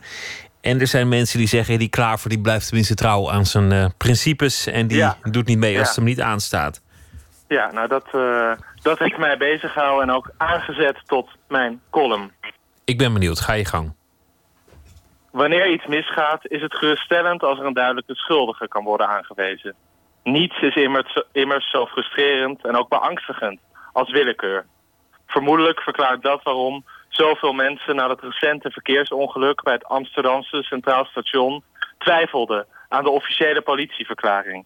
Men nam geen genoegen met de uitleg dat de bestuurder onwel werd. Hij moest en zou kwade opzet hebben gehad. Hij was misschien wel een terrorist. Zijn handelingen konden niet willekeurig zijn. Een vergelijkbare, bijna verlekkerde zoektocht naar een schuldige zien we, hoewel met een compleet andere aanleiding, bij de opnieuw gestrande onderhandelingen voor een nieuwe formatie. Niemand heeft het over gewoonweg uiteenlopende meningen. Er is een schuldige en zijn naam is voor velen Jesse Klaver. De Volkskrant bundelde brieven van teleurgestelde GroenLinks-kiezers vanochtend. Trouw schreef notabene op de voorpagina dat GroenLinks de onderhandelingen eigenhandig liet stuklopen. Geen stijl wijde meerdere artikelen aan wat zij het falen van Klaver noemde. De dagelijkse standaard, dat afvoerputje van rechts Nederland, waarop het Forum voor de Democratie wordt aanbeden en Thierry Baudet geldt als de Messias, noemde Klaver knettergek en schreef over hem alsof hij een ziekte was, waar Nederland nu eindelijk van is verlost. Tja, je kunt Klaver en GroenLinks inderdaad verwijten dat ze deze kans hebben laten lopen. Dat ze als regeringspartij altijd meer invloed zouden hebben dan in de oppositie. En dit dus hadden moeten doen. Dat geven en nemen inherent is aan het politieke spel. Allemaal waar. Tegelijkertijd krijg ik, zeker toen ik Klaver gisteravond bij Jinek zag zitten... het idee dat, het dat hij het ergens wel prima vond om in de oppositie plaats te nemen om zijn naam niet te hoeven verbinden aan standpunten die hij niet of niet geheel deelde. Zoals, zoals Wilders het ook veel prettiger vindt om in die oppositie te blijven zitten dan om werkelijk te regeren. Ondanks dat hij nu af en toe roept dat hij wel een coalitie wil, dat is alleen een kwestie van tactiek. Om straks met hernieuwde verontwaardiging extra stemmen te winnen. Mijn gok, het duurt nog maanden, wellicht een half jaar, voor er een reg- regeerakkoord komt. We leven immers in een tijd waarin niet regeerden regeren populairder maakt dan wel regeren. Het is verleidelijker om een schuldige aan te kunnen wijzen dan het risico zelf schuldig te worden. Iemand die zijn beloftes niet nakomt of die te veel water bij de wijn doet. En ach, het Nederlandse volk vindt het uiteindelijk ook allemaal prima hoe de dingen hun gangetje blijven gaan. Dat blijkt wel uit het feit dat de VVD al jaren de grootste is. Ondanks de stortvloed aan schandalen en schandaaltjes binnen die partij. De wet van de huidige politiek in Nederland. Iedereen wijst een schuldige aan. Wie regeert wordt afgestraft, behalve de VVD. Die blijft rustig zitten. Ja, volgens mij heb je daar wel gelijk in. Dat niemand eh, echt de verantwoordelijkheid wil dragen. Het geldt ook een beetje voor de commentatoren. Die, eh, die, die, die willen ook graag aan de goede kant staan. Of, of hele principiële meningen uitdragen. Wetend dat die nooit uitgevoerd zullen worden. Dat is ook een soort luxe. Je kunt, eh, je kunt zeggen deuren open voor alle migranten. Of je kunt zeggen land dicht voor alle migranten. Het is makkelijk roepen als je weet dat toch niemand het ooit gaat doen. Ja, en dan kan je ook heel makkelijk heel principieel zijn. En ook heel makkelijk heel verontwaardigd zijn. Omdat anderen die heilige of grote principes dan niet naleven. Dat, dat is eigenlijk een, een luxe positie die je dan voor jezelf creëert. En inderdaad, commentatoren, commentatoren hebben dat bijna, dat is bijna inherent aan hun werk, zolang ze aan de zijlijn blijven staan. Ja, maar als politici het ook en masse gaan doen, dan, eh, dan wordt het toch een beetje ingewikkeld, denk ik. Absoluut, ja. Ik vind het ook niet per se een, een goede ontwikkeling, nee. Maar wat denk je? Komen ze uiteindelijk toch weer bij elkaar en, en gaan ze nog een keer praten? Of gaan we opnieuw naar de stembus? Of gaan ze eh, Geert Wilders bellen? Zou natuurlijk ook zomaar kunnen. Of wordt het een minderheidskabinet? Eh, ik denk niet, als ik ze nu zo hoor... en nu ze eigenlijk vrij snel die nieuwe poging hebben gedaan... dat ik ben niet eh, ingewijd of iets dergelijks... maar ik denk niet dat GroenLinks het nu snel zal doen. Ook niet omdat die nu zo expliciet eigenlijk worden zwart gemaakt. En ik, het laatste wat ik, wat ik hoorde, en ik weet niet of dat nou een goed idee is voor die partij... en dat, hoorde ik op de radio, dat is niet uit de wandelgangen... maar dat is dat de PvdA toch weer wordt opgetrommeld. Omdat die dan toch nog een paar ervaren ministers kunnen hebben, kunnen leveren... en dat dan nou ja, met VVD en D66. En dan moet je er nog natuurlijk van alles bij verzinnen, maar dat het die kant op gaat. En ik denk dat dat wel plausibeler is dan weer naar de stembus. En weer naar de stembus gaan, dan, dat, dat vind ik ook, eh, ook een kwalijke ontwikkeling. Want dan wordt iedereen, die, men wordt daar volgens mij heel snel heel erg moe van. En de PvdA moet het ook gewoon doen. Ik bedoel, Asscher moet dan gewoon eh, in stijl zijn partij opheffen. Gewoon nog één keer regeren. En daarna of, of wat populariteit winnen. Of gewoon de boel opheffen. Maar dan wel tot het laatste toe. Tot het laatste snik verantwoordelijkheid gedragen. Ja, dat, dat zou mooier afscheid kunnen zijn dan hoe, hoe, hoe het nu is. Een soort afscheidsritje in de Tweede Kamer nog. Nou, keurig toch? Thomas, dankjewel. Goeienacht en tot morgen. Goeienacht Pieter, tot morgen. Het Kronos Quartet uit eh, de Verenigde Staten, een strijkkwartet dat eh, bijzondere samenwerkingen niet schuwt. Bijvoorbeeld met Rhiannon Giddens of Olivia Cheney. En eh, dit hebben ze gemaakt samen met Sam Amidon. En het heet Folk Songs, de plaat. En het nummer heet Aware.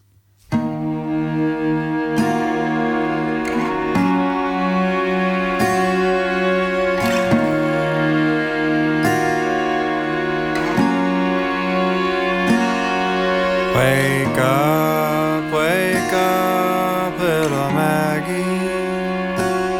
How can you sleep so sound when the highway robbers are coming? Gonna tear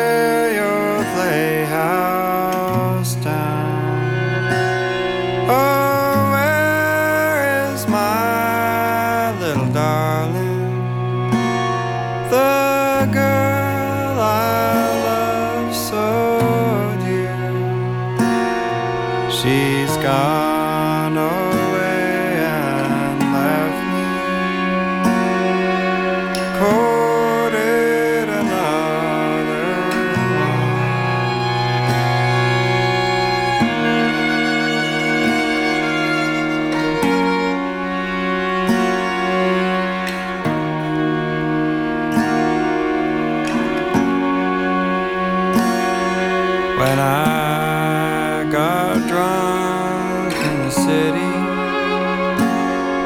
I stumbled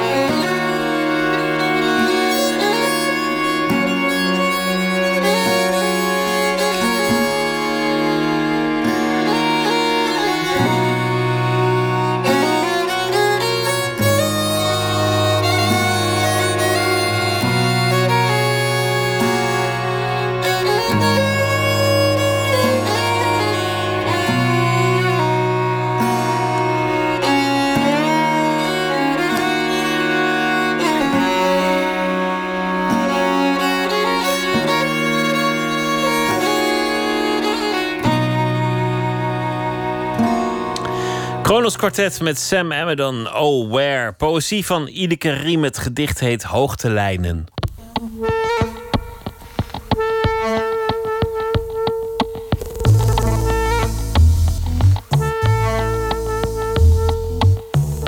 Hoogtelijnen. Gekleurde lijnen kronkelen in een emmer zeepsop. Mijn moeder marmert de ramen ermee. Ze heeft een plaat opgezet, maar ik lig niet meer op de bank.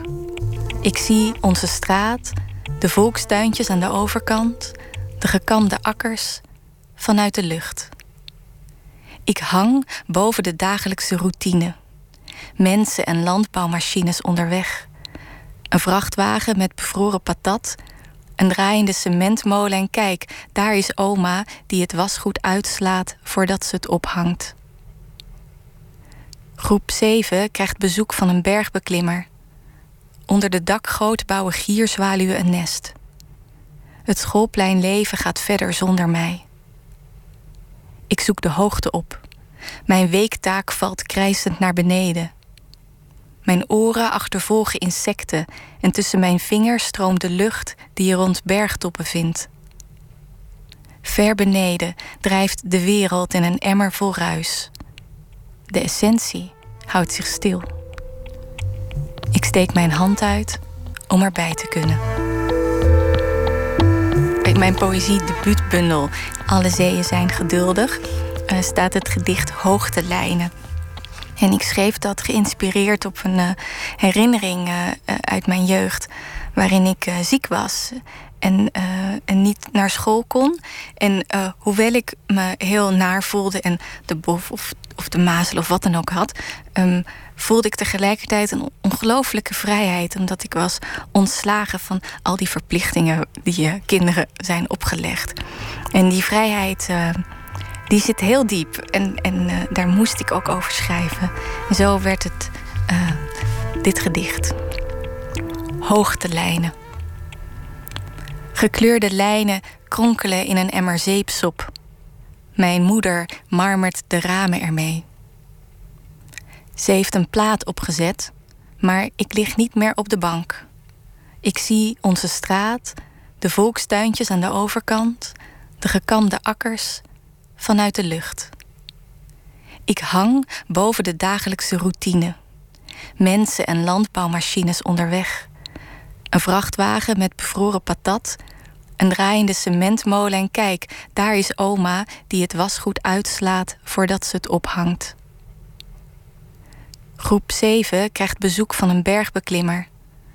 Onder de dakgoot bouwen gierzwaluwen een nest. Het schoolpleinleven gaat verder zonder mij. Ik zoek de hoogte op. Mijn weektaak valt krijsend naar beneden. Mijn oren achtervolgen insecten en tussen mijn vingers stroomt de lucht die je rond bergtoppen vindt. Ver beneden drijft de wereld in een emmer vol ruis. De essentie houdt zich stil.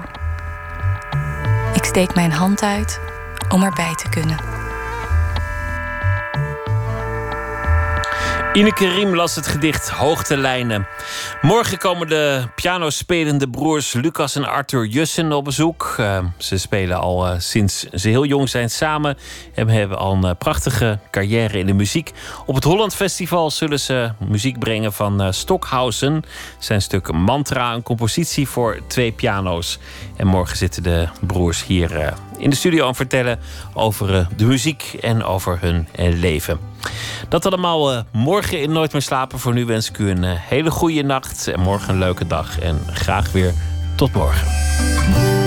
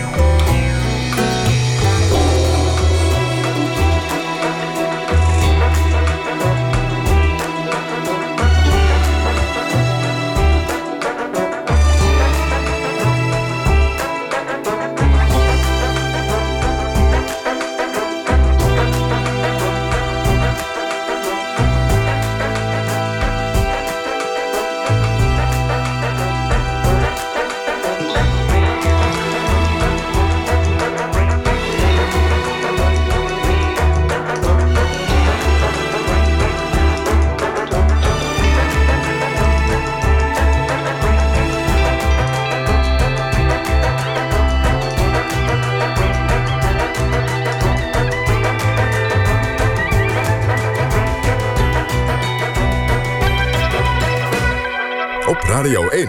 Het nieuws van alle kanten.